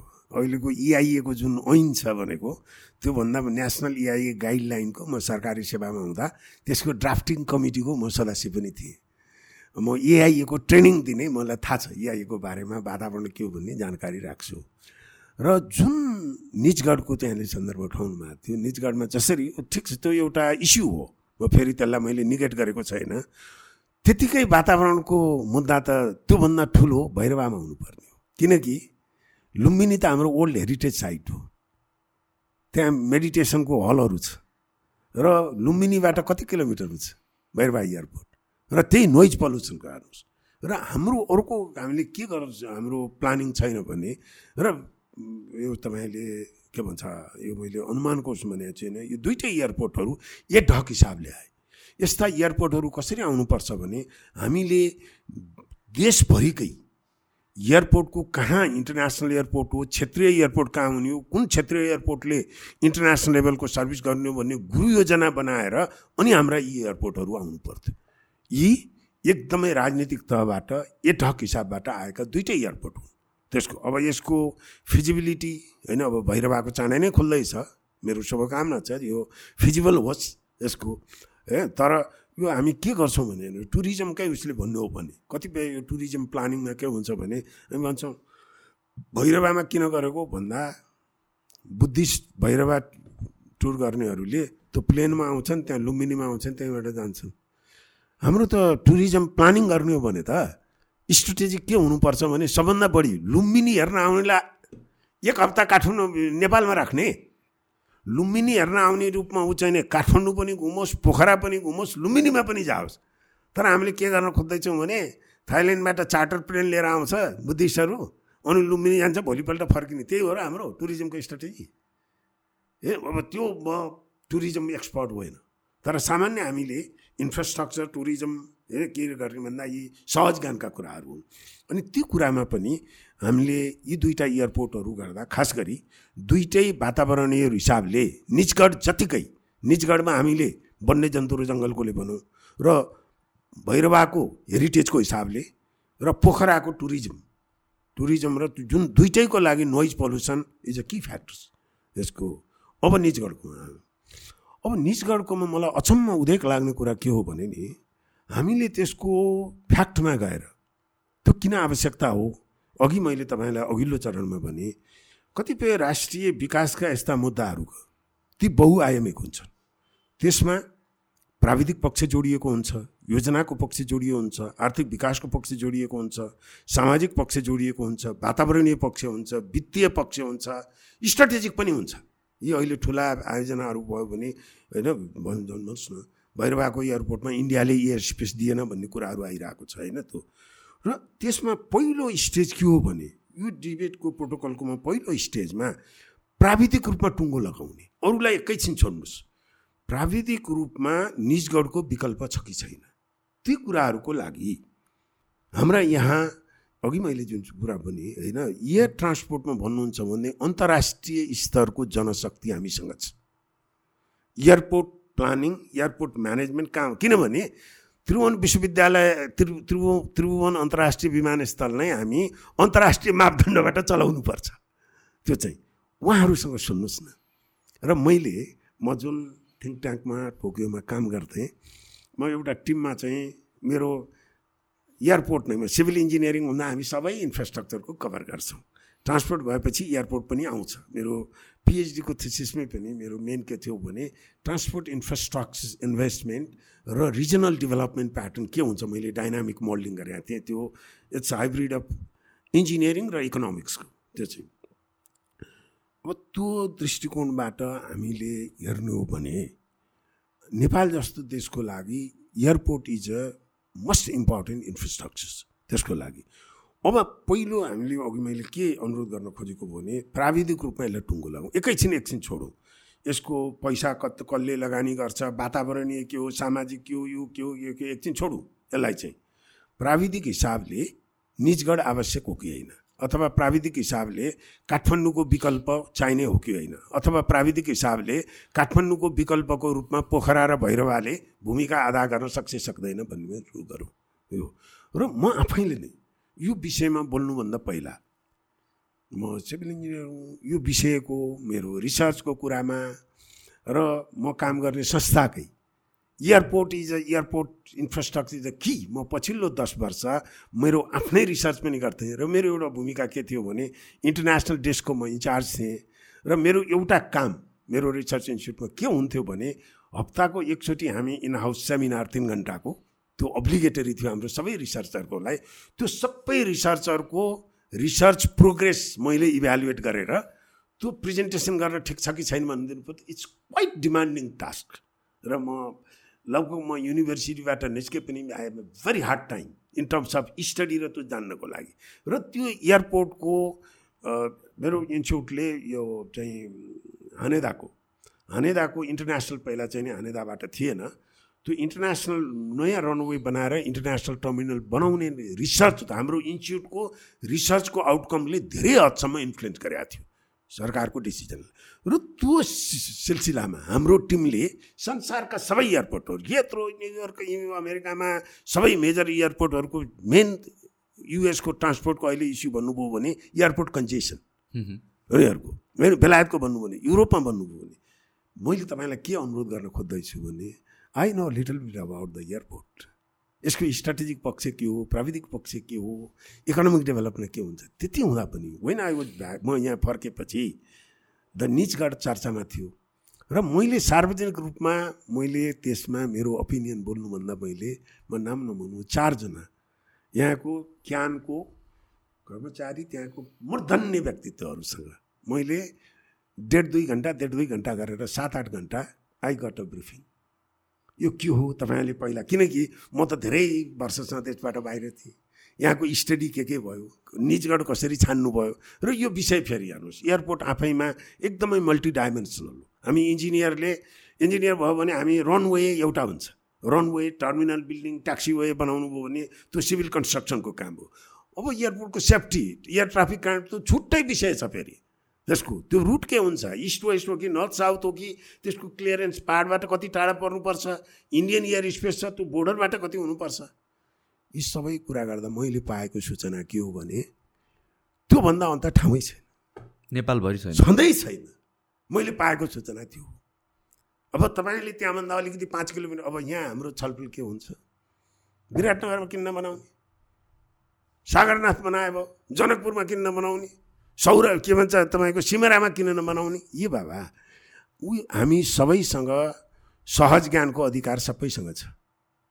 र जुन सरकारी कर्मचारीहरू इन्टरनेसनल कन्सल्टेन्ट छ नेपालका कन्सल्टेन्ट नेपिकन भन्ने थियो होइन Korean consultant by the way त्यो कोरियन कन्सल्टेन्ट ल्यान्डमार्कको जुन स्टडी गरेको हो म तिन चार वर्ष अगाडि सोल जाँदाखेरि त उहाँ सोल नेसनल युनिभर्सिटीको प्रोफेसर अहिले हुनुहुन्छ उहाँको कन्सल्टेन्टले गरिरहेको छ उहाँले डिनरको बेलामा कति चित्त दुखाउनु भने डक्टर आचार्य तिमीहरूले अझै बनाएको छैनौ है त्यो airport that is the best location जुन हब भन्छौँ नि हामी। हो यो कुराले मैले के भन्न खोजेको भने पहिला हामी के कुरा सल्टाउँ भने नि अहिले तपाईँले जुन जुन एउटा इफ नट सेनिकल स्केप्टिसियमको साथ क्वेसन उठाउनु भयो। हामीलाई चारवटा एयरपोर्ट चाहिने हो भन्ने। होइन म त एकदम न्युट्रल भएर मैले सोधेँ होइन होइन होइन। You you you you should play you you you have a right to be sceptical होइन त्यसमा यु हेभ अ राइट यो रेज गर्नै पर्छ। किनभने इट्स अ ट्याक्स पेयर्स पनि हामी लोन ल्याउँला अरे वेस्टफुल त हामी को चाहन्छौँ र? त्यसैले पहिलो कुरा प्राविधिक हिसाबले प्राविधिक हिसाबले यो निजगढ हामी होइन काठमाडौँमै अरू तिन तिस वर्ष चालिस वर्ष काठमाडौँकोले धान्ने हो कि भैरवाएर पोखरापछि धान्ने हो भनेर म के सुन्न चाहन्छु भने यो पब्लिक डिबेटमा धेरै हुनुहुन्छ कोही पत्रकार साथीहरू हुनुहुन्छ कोही समाजशास्त्रीहरू हुनुहुन्छ कोही अर्थशास्त्रीहरू हुनुहुन्छ होइन म के भन्छु भने please find somebody who is experts in transportation planning or airport planning कोही पनि एकजना म तपाईँको कार्यक्रम मार्फत पनि भन्छु। काठमाडौँकै एयरपोर्टले हाम्रो इन्टरनेसनल कनेक्टिभिटीको लागि धान्छ चाहिँदैन भन्नुभयो भने I am ready to be learn. त्यसको मैले कुनै पक्ष नदेखेको रहेछु कि। तर म अहिले के भन्छु भने त्यो भन्नको लागि एउटा प्र्याक्टिसिङ ट्रान्सपोर्टेसन प्लानरको लागि this is the tall order दुईचोटि सोच्नुपर्छ। हामीले आफ्नो किनभने के हुन्छ भने हेर्नुहोस् सुशान्तजी यस्ता टेक्निकल कुराहरूमा। अर्काका विषयमा जतिसुकै छलाङ मार्न पनि पाइन्छ। सहज ज्ञानका कुरा जति बल फालिदिँदा पनि पाइन्छ बत्ती बलिङ गर्न पनि पाइन्छ। अर्काको विषयमा किनकि म त विज्ञ होइन। मलाई लाग्यो त्यस्तो भनेर टकटकिन पाइयो नि? तर आफ्नो विषयकोमा त्यो सुविधा हुँदैन। हो त्यसैले हामीले पहिला सल्टाउनु पर्ने कुरा के हो भने यो साँच्चीकै यसको विकल्प काठमाडौँको विकल्प चाहिएको हो कि होइन? नम्बर एक चाहिएको हो भने निजमानन्द अर्को कहाँ छ त? प्राविधिक हिसाबले। अनि त्यसपछि अब जुन यो वातावरणको कुरो छ त्यसको त छुट्टै पाठ छ हेर्नुहोस् होइन? त्यो बहस हुनुपर्ने विषय हो हाम्रो एक्जिस्टिङ एयरपोर्ट जुन काठमाडौँको छ त्यसलाई के फर्दर डेभलप गर्न मिल्छ कि मिल्दैन? हजुर।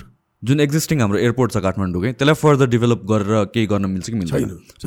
मैले मलाई भन्नुहुन्छ भने त अहिले हामी एडिबीको लोनमा त्यहाँ पैसा हालिरहेछौँ निजगढ हामीले खोलिसकेपछि बन्द गर्नुपर्छ।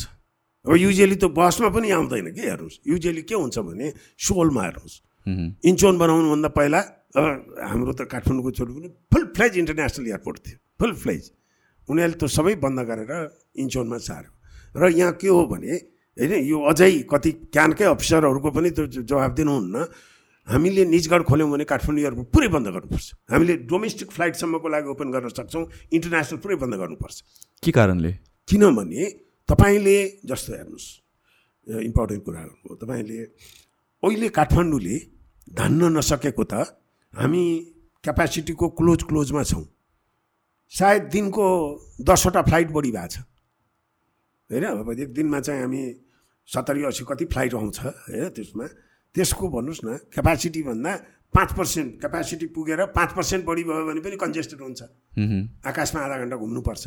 अनि तपाईँ त्यो पाँच पर्सेन्ट पाँचवटा फ्लाइटको लागि मात्रै निजगढ बनाउनु लाग्नु भयो र? अरू यहाँ धान्ने जति यहीँ दिने पाँचवटा त्यहाँ जानुभयो भने त्यो कस्ट पनि उठ्दैन त्यो इन्टरनेसनल एयरपोर्ट जस्तो कन्डक्ट हुनु पनि सक्दैन। त्यसैले युजली संसारभरिको प्र्याक्टिस के हो भने होइन धेरै युरोपका सिटीहरूमा पहिला सिटी सेन्टरमा भएका यु एयरपोर्टहरू सारिएको छन्।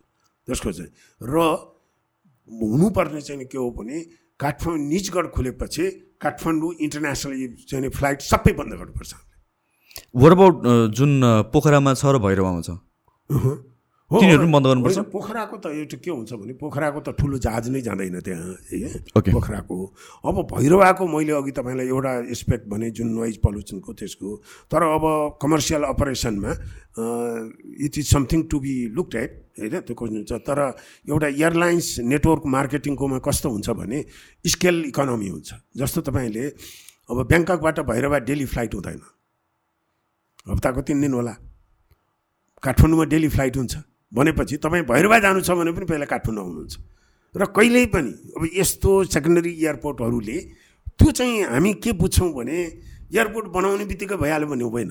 त्यहाँ चलाउने त एयरलाइन्सले हो। त्यसको छुट्टै मार्केट छ कम्पिटेटिभ छ प्यासेन्जर फ्लो छ प्यासेन्जर बिहेभियरको छ। त्यस कारणले दिस इज अब मलाई सोध्नुहुन्छ भने जुन हामीले अहिले एउटा ऊ बनाइरहेको छौँ काठमाडौँको विकल्प भैरवा हुनसक्छ हुँदैन। हुँदैन। त्यसको। तर Bhairahawa as a regional airport त्यसको आफ्नो छुट्टै लुम्बिनीको आकर्षणले गर्दा एउटा मार्केट सेगमेन्ट भैरवाको हुनसक्छ। त्यो चाहिँ।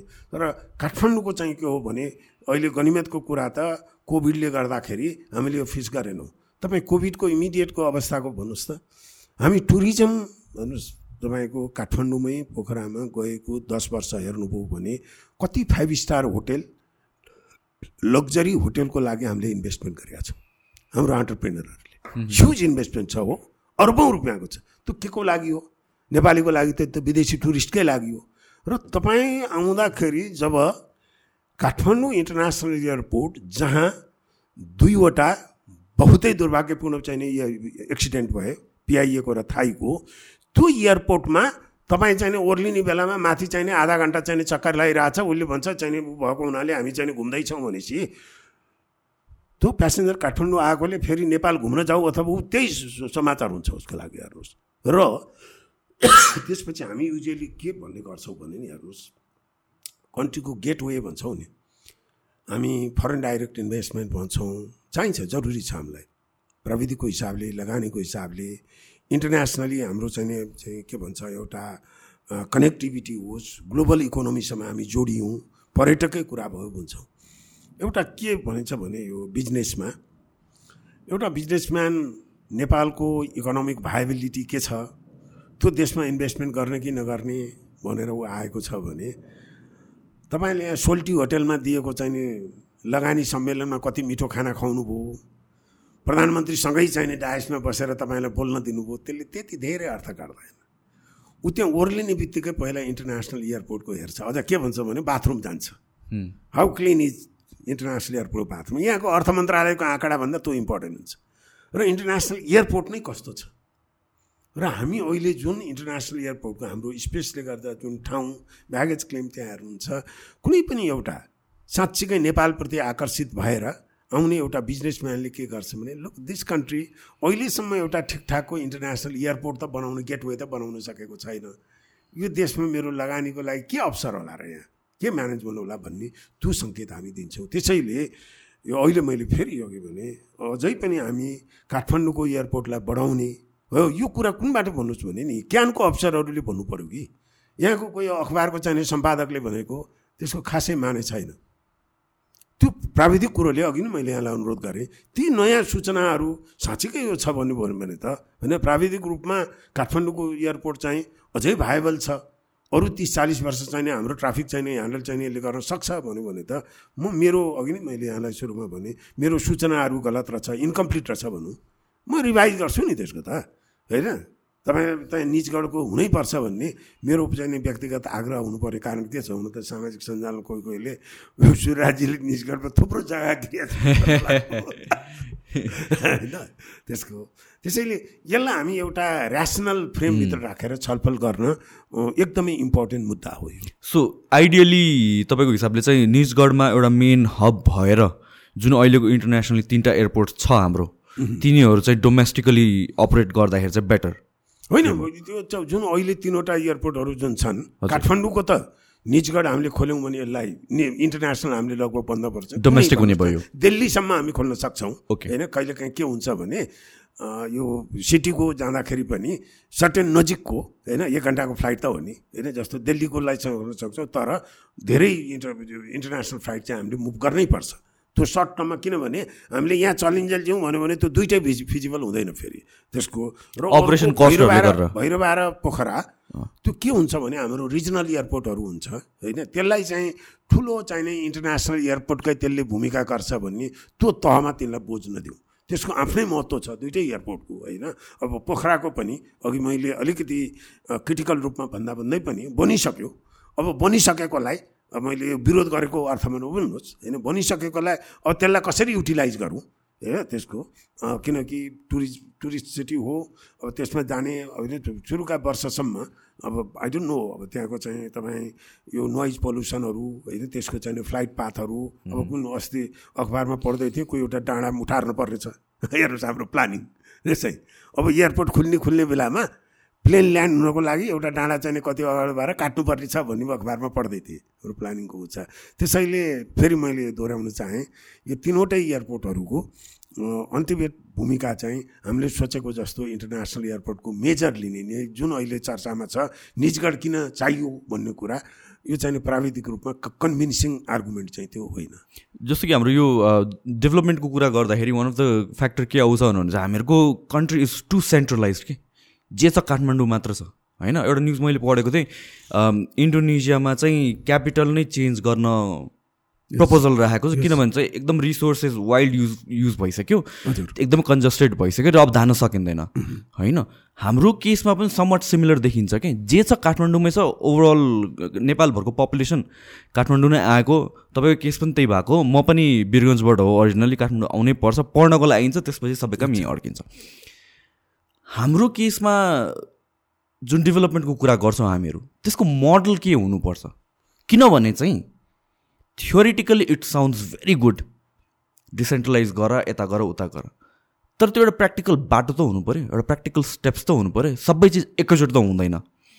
सो त्यो डेभलपमेन्ट मोडल के हुनसक्छ हाम्रो लागि चाहिँ यो महत्त्वपूर्ण कुरा हो। अहिलेसम्म वास्तवमा तपाईँको प्रश्नभित्रको जुन मैले स्पिरिट पढेँ नि त्यो स्पिरिटलाई सम्बोधन गर्ने क्याच गर्ने किसिमको हाम्रो मोडेलको अहिले सरकारी योजना आयोग भन्नुहोस् अथवा चाहिँ नि राज्यको तहमा त्यो सोच नै छैन भन्दा हुन्छ। एक हिसाब मोडेल नै छैन। लङ रनमा किनभने this is not sustainable exactly हामी अहिले के गरिरहेको छौँ भने मैले केही समयदेखि भन्ने गरेको छु हामीसँग योजना बिनाका आयोजना छन्। द प्रोजेक्ट विदाउट प्लान किनभने प्रोजेक्ट आफैमा एन्ड होइन। प्रोजेक्ट मिन्स हो। सोसियो इकोनोमिक ट्रान्सफर्मेसनको मिन्स हो प्रोजेक्ट र जब तपाईँ त्यो प्रोजेक्टलाई एउटा के भन्छ अप्नाउँदाखेरि कुनै एउटा प्रोजेक्ट पिकअप गर्दा तपाईँ चाहिँ त्यो प्रोजेक्टले एन्डमा ट्रान्सफर्मेसनमा कहाँनिर जोडिन्छ भन्ने कुरा गृह कार्य नगरिकन त्यो ल्याएपछि अनि त्यसले के ल्याउँछ भने एउटा सकारात्मक परिणाम भन्दा पनि जुन यहाँले भन्नुभयो सेन्ट्रलाइजेसन हाम्रा के भयो सबै आयोजनाहरू बाटा पनि हामीले के भन्नु काठमाडौँसँग जोडिएको छ नि सबै। मैले टोकियो विश्वविद्यालयको एउटा क्लासमा एकजना प्राध्यापकले मैले सम्झिन्छु तपाईँले सन्दर्भ आउनुभयो। यो इन्फ्रास्ट्रक्चर र रिजनल डेभलपमेन्टको विषय थियो। उहाँले के भन्नुभयो भने डाक्टर माथिर मोहम्मद होइन यो हामीले इन्फ्रास्ट्रक्चर भनेको खालि चाहिँ कन्स्ट्रक्सन इन्जिनियरिङ मात्र होइन। यसको अरू पक्षहरू खास गरी अब यो चाहिँ क्षेत्रीय सन्तुलन तपाईँले भन्नुभएको जस्तै कसरी पुरै देशलाई विकास गर्ने एउटा सिटी होइन भन्नको लागि उहाँले एउटा एनेक्डोट के भन्नुभयो भने मलेसियामा हाम्रो इस्ट वेस्ट हाइवे भने जस्तै उनीहरूको नर्थ साउथको छ मोटरवे ठुलो उसको। अनि क्वालालम्पुर त साउथमा छ उनीहरूको नर्थ चाहिँ नै हाम्रो कर्णाली जस्तै। माथिले के इन्सिस्ट गर्नुभयो भने त्यो बाटो बनाउन नर्थबाट सुरु गर भने हामी इन्जिनियरले के भन्छौँ भने प्रायोरिटी केमा दिने भन्दा जहाँ ट्राफिक बढी छ त्यहाँ प्रायोरिटी दिने भन्छौँ तर उहाँले के भन्नु त होइन त्यो नर्थबाट सुरु गर भन्नुभयो। र त्यसले के गर्यो भने नर्थको डेभलपमेन्ट गर्नुको लागि धेरै काम गर्यो भन्नुभयो। इट बिकेम भन्नुहोस् न एउटा पोलिटिसियनले गरेको डिसिजन त्यो प्राध्यापकको लागि चासोको कुरा भएर हामीलाई क्लासरुममा पढाउनु भएको थियो। हो यो किसिमको सोच हेर्नुहोस् विकास भनेको हाम्रो राजनीतिक नेताहरूमा एउटा अलिकति चाहिँ नि के भन्छ इन्कम्प्लिट एउटा सोच अथवा इन्फर्मेसन भनौँ त्यो कस्तो भयो भने विकास भनेको यी चाहिँ इन्जिनियरहरूको प्लानरहरूको विज्ञहरूको पढे लेखा मान्छेहरूको काम हो। उनीहरूले बनाइदिएको हामी भाषण गर्ने अनि त्यही हाम्रो चाहिँ ह्यान्ड अफ एप्रोच हुन्छ नि पोलिटिसियनमा जहाँ कि विकासको मोडेलको केन्द्रमा राजनीति हुन्छ। र तपाईँले उठाउनु भएको प्रश्नको हेर्नुहोस्। हाम्रो विकासको मोडेलको सुरुवात स्टेप वान केबाट सुरु हुन्छ भने नेपालको नक्सा यहाँ राखेर। प्रधानमन्त्री प्रमुख प्रतिपक्ष दलको नेता। सातवटै चाहिँ नि प्रदेशको चिफ मिनिस्टरहरू योजना आयोगको पादे जति छन्। अँ धुली खेलमा दुई हप्ताको चाहिँ रिजोर्टमा गएर लाउनुहोस्। पचास वर्षपछि अब यो चाहिँ गणत सङ्घीय गणतान्त्रिक नेपालको हाम्रो भौतिक विकासको स्वरूप। कुन कुन सिटीमा हामी कति पपुलेसनको प्लानिङ गर्ने हो? बिस वर्षपछि नेपालको जनसङ्ख्या कति हुन्छ? This is all about planning तर त्यो प्लानिङ राजनीतिक तहबाट होइन प्लानर भनेको टेक्निकल पढेको प्लानरले गर्ने होइन। Planning start with the political vision हामी भन्छौँ नि। त्यो काम कुनै कन्सल्ट्यान्टले वर्ल्ड ब्याङ्क र एडिबीको कन्सल्ट्यान्टले निर्णय गर्ने कुरा होइन। त्यो हाम्रो राजनीतिक उस्तो हो। अघि तपाईँले जुन भन्नु नि अहिले इन्डोनेसियाको राजधानी चाहिँ सार्ने भन्नु। त्यहाँ कुनै हुन् ठिक छ। एक्सपर्टहरूले त पहिल्यैदेखि भनिरहेको थिए। तर त्यो निर्णय त राष्ट्रपतिले गरे हो नि त। हो त्यो किसिमको सोच पहिलो के भन्छौँ भने हामी प्लानिङको हाइरार्कीमा पहिला स्पेसियल डेभलपमेन्ट प्लान भन्छौँ। स्पेसियल डेभलपमेन्ट भनेको तपाईँको जुन ठाउँ छ नि स्पेसियल भनेको नेपालीमा भू अवस्थिति नेपालको नक्सा राखेर यो कम्प्लिट नेपालको भौतिक विकासको स्वरूप हाम्रो कस्तो बनाउँछौँ? सहर कहाँ कहाँ हुन्छन् हाम्रा? त्यो सहरलाई लिङ्क गर्ने बाटाहरू चाहिँ नि ट्रान्सपोर्टेसनको कस्तो हुन्छ? कहाँ कहाँ एयरपोर्टहरू हुन्छन्? होइन मैले धेरै बहसमा भन्दै गरेको छु अहिले। हामीले अहिले त अलिक कम भएको छ। यो रेलवेको कुरा इस्ट वेस्ट रेलवेको होइन हाई स्पिड रेल अब त्यसैको डिपिआर हेर्नुभयो भने दुई सय किलोमिटर पर आवरभन्दा भनेको हाई स्पिड रेल हो त्यो डिजाइनको र हामीले पन्ध्र सय दुई हजार होइन एक हजार त्यो हो पन्ध्र सय भन्नु पोखरा पन्ध्र सय किलोमिटरमा east west rail Kathmandu Nijgadh Birgunj Kathmandu Pokhara Kathmandu Bhairahawa बन्छ। पन्ध्र सय किलोमिटर दुई सय पचास किलोमिटर प्रति घन्टाको रेलवेको हामीले सिस्टम बनाउनु हो भने हाम्रो डोमेस्टिक एयरलाइन चाहिँ नि टेन पर्सेन्टमा सीमित हुन्छ। काठमाडौँबाट भैरवा प्लेनमा भैरवा छोड्नु न काठमाडौँभन्दा धनगढी प्लेनमा भन्दा रेलमा चाँडै पुगिन्छ। त्यो त कुहिरो लायो भनेर बन्द त हुँदैन एयरपोर्ट बन्द भयो भनेर त हुँदैन। त्यो चाहिँ त्यो डिस्कसन खोइ त्यो प्लान त्यो समायोजन हुनु पऱ्यो नि। अहिले हाम्रो हरेक सांसदहरूले एयरपोर्ट पनि मागिरहनु भएको छ बाटो पनि मागिरहनु भएको छ। त्यसको एउटा विज्ञान छ नि छुट्टै। त्यो बाटो बनाएपछि त्यो एयरपोर्ट जाने मान्छे महँगोमा प्लेन चढ्छ कि बसमा जान्छ त? अब भोलि रेल पनि बनाउँदै भन्दैछौँ। भने हो त्यो स्पेसियल डेभलपमेन्ट प्लान पहिलो जुन स्टेज हुन्छ नि त्यसले ती कुराहरू निर्धारण गर्छ। नक्सा देशभरिको नक्सा राखेर कहाँ कहाँ हाम्रा उद्योग धन्दा सिटी हो कहाँ हुने र त्यो कसरी कनेक्ट गर्ने अनि दोस्रो तहमा हामी सेक्टरमा ओर्लिन्छौँ। होइन अब ट्रान्सपोर्टेसन राष्ट्रिय यातायात सञ्जालमा एयरपोर्टको भूमिका के हुने? रेलको भूमिका के हुने कहाँ कहाँ एक्सप्रेस वेहरू हुने? अब अहिले भन्नुहोस् यो चाहिँ पोखरादेखि मैले अस्ति अखबारमा भनेको थिएँ। पोखरादेखि मुगलिनसम्म चार लेनको बाटो बनाउने भन्नु त्यो कुनै प्लान छैन। कुनै तपाईँको राष्ट्रिय उसको त्यो कसरी अब डोनरले वर्ल्ड ब्याङ्कले फन्डिङ दिने भयो एडिबीको मिसन आउँछ त्यो मिसनले एउटा प्रोजेक्ट चाहियो कहाँ भयो कन्जेसनमा चाहिँ बनाउने। अब फुटबलदेखि चाहिँ तपाईँको नारायणगढको दुई लेनबाट हामी चार लेन बनाउँदैछौँ एडिबीको प्रोजेक्टको बाटो। हामीले चाहिँ नि राष्ट्रिय स्तरको अघि जुन तपाईँले भन्नुभयो नि बाटो मात्र होइन त्यो आर्थिक सामाजिक रूपान्तरण हाम्रो बसोबासको अवस्थिति कहाँ हाम्रो सहरहरू बनाउने। अब जस्तो भन्नुहोस् इस्ट वेस्ट हाइवे बनाउँदाखेरि दमक र बिर्तामोड अब अहिले दमकमा जानुभयो भने त्यो बिचको बाटोबाट बाटो क्रस गर्न गाह्रो पर्छ। त्यो प्लान गर्दा त हामीले बाइपास त्यो त सहरको बिचबाट हाइवे त जाँदैन नि कहीँ पनि। त्यो त सहरी बाटो भयो। अब हामीले बाइपासको बाटोको त्यतिखेरै जग्गा अधिग्रहण गर्नु पर्थ्यो।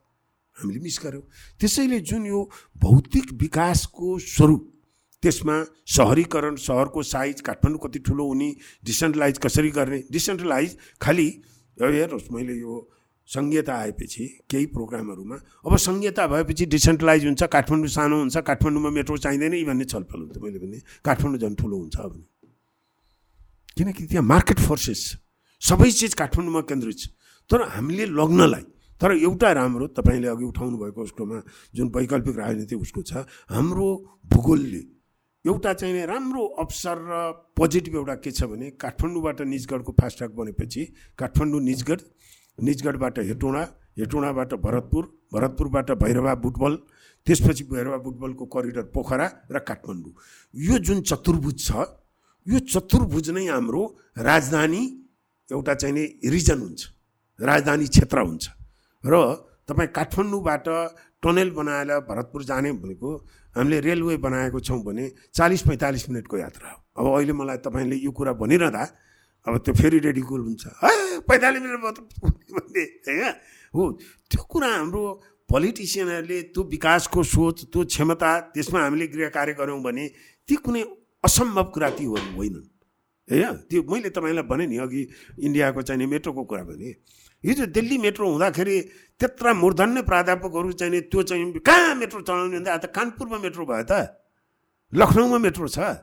गरे त हुँदो रहेछ नि त त्यो त्यो त्यसैले यी चाहिँ के हुन् भने हामीले काठमाडौँको जुन यहाँले भन्नुभयो यो भाषण गरेर निर्देशन दिएर हाम्रो आदर्श इच्छाले हुँदैन। त्यो किसिमको परिवेश भौतिक परिवेश हामीले तयार गर्नु पऱ्यो त्यसपछि मार्केटले नै त्यो अटोमेटिकली होइन त्यहाँ चाहिँ सुविधाहरू दिने होइन अब जस्तो अहिले भरतपुर नै भन्नुहोस् बिस वर्षको भरतपुरभन्दा अहिले अब त्यहाँ मेडिकल सिटीहरू तपाईँ हेल्थ सर्भिसहरू काठमाडौँको भन्दा लगभग उस्तै उस्तै चाहिँ चाहिँ भरतपुरमा छ। त्यहाँ चाहिँ होइन? अरू चाहिँ तपाईँको चाहिँ के भन्छ युनिभर्सिटिजहरू अरू सेवाको उद्योगहरू होइन? त्यसले गर्दाखेरि जुन त्यही बिजनेस गर्नलाई काठमाडौँ नै आउनुपर्ने त्यही शिक्षा स्वास्थ्य उपचारको लागि काठमाडौँ नै आउनुपर्ने केही त हुलो भयो नि। हो त्यसलाई अब हामीले लिङ्कबाट जस्तो पैँतालिस मिनट एरियल डिस्टेन्स काठमाडौँबाट भरतपुर असी पचासी किलोमिटर होला सिधा हावाको डिस्टेन्स। तर अहिले त पाँच घन्टा लाग्छ। होइन हामी बिहान गएर बेलुकी आउन सक्ने मिटिङ गरेर त्यो बनाइदिउँ त। त्यसले एउटा क्षेत्रीय विकास र यो हेटौँडा भरतपुर काठमाडौँको यो ट्राइङ्गलको अर्कै इकोनोमी भएर चाहिँ नि त्यो चाहिँ आउँछ। हो ती कुराहरू राजनीतिक तहमा त्यो सोच विकास हुनु पऱ्यो जुन अहिले भएको छैन। किनभने पचास वर्ष सय वर्षको कुरा गर्ने हो भने त यो मेट्रोले मात्र यो कन्जेसन प्रब्लम त सल्भ गर्दैन। गर्दैन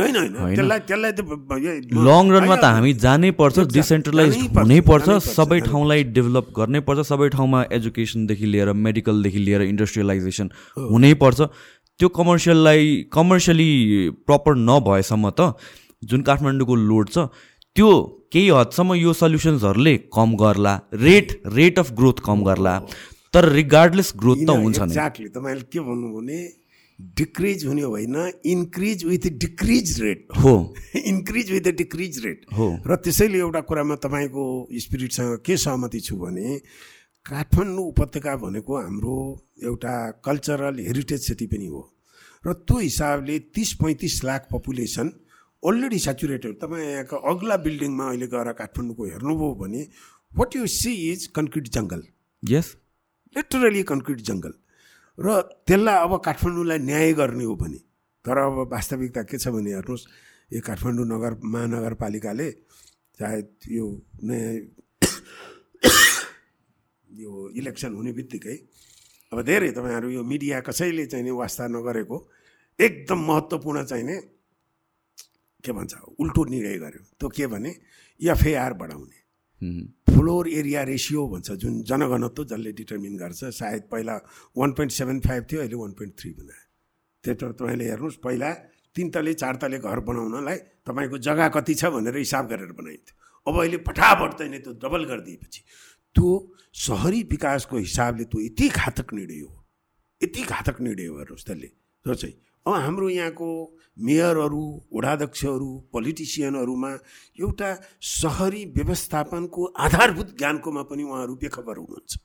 त्यसलाई चाहिँ अब त्यो केबाट प्रेसर भयो होला भने यहाँ बिजनेस कम्युनिटीको तलामाथि बढाउन पाइयो भन्यो भने तर तपाईँले सफोकेटिङ सिटी गरेर त्यहाँ घर बनाएर के गर्नुहुन्छ? तपाईँले मल राम्रो बनाउनु भयो तर तपाईँको सहरले सासै फेर्न सक्दैन।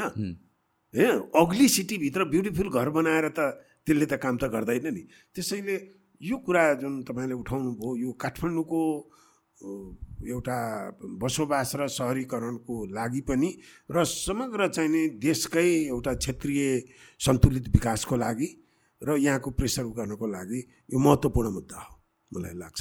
जस्तो कि हाम्रो development we are developing developing country होइन? हामीहरूलाई फन्ड्स त चाहिन्छ नि फरेन एड्सहरू आउँछ पनि। तर how do go about it सबै ठाउँबाट लिँदै जाने हो कि? होइन? त्यसलाई कसरी हामीहरूले युज गर्ने हो?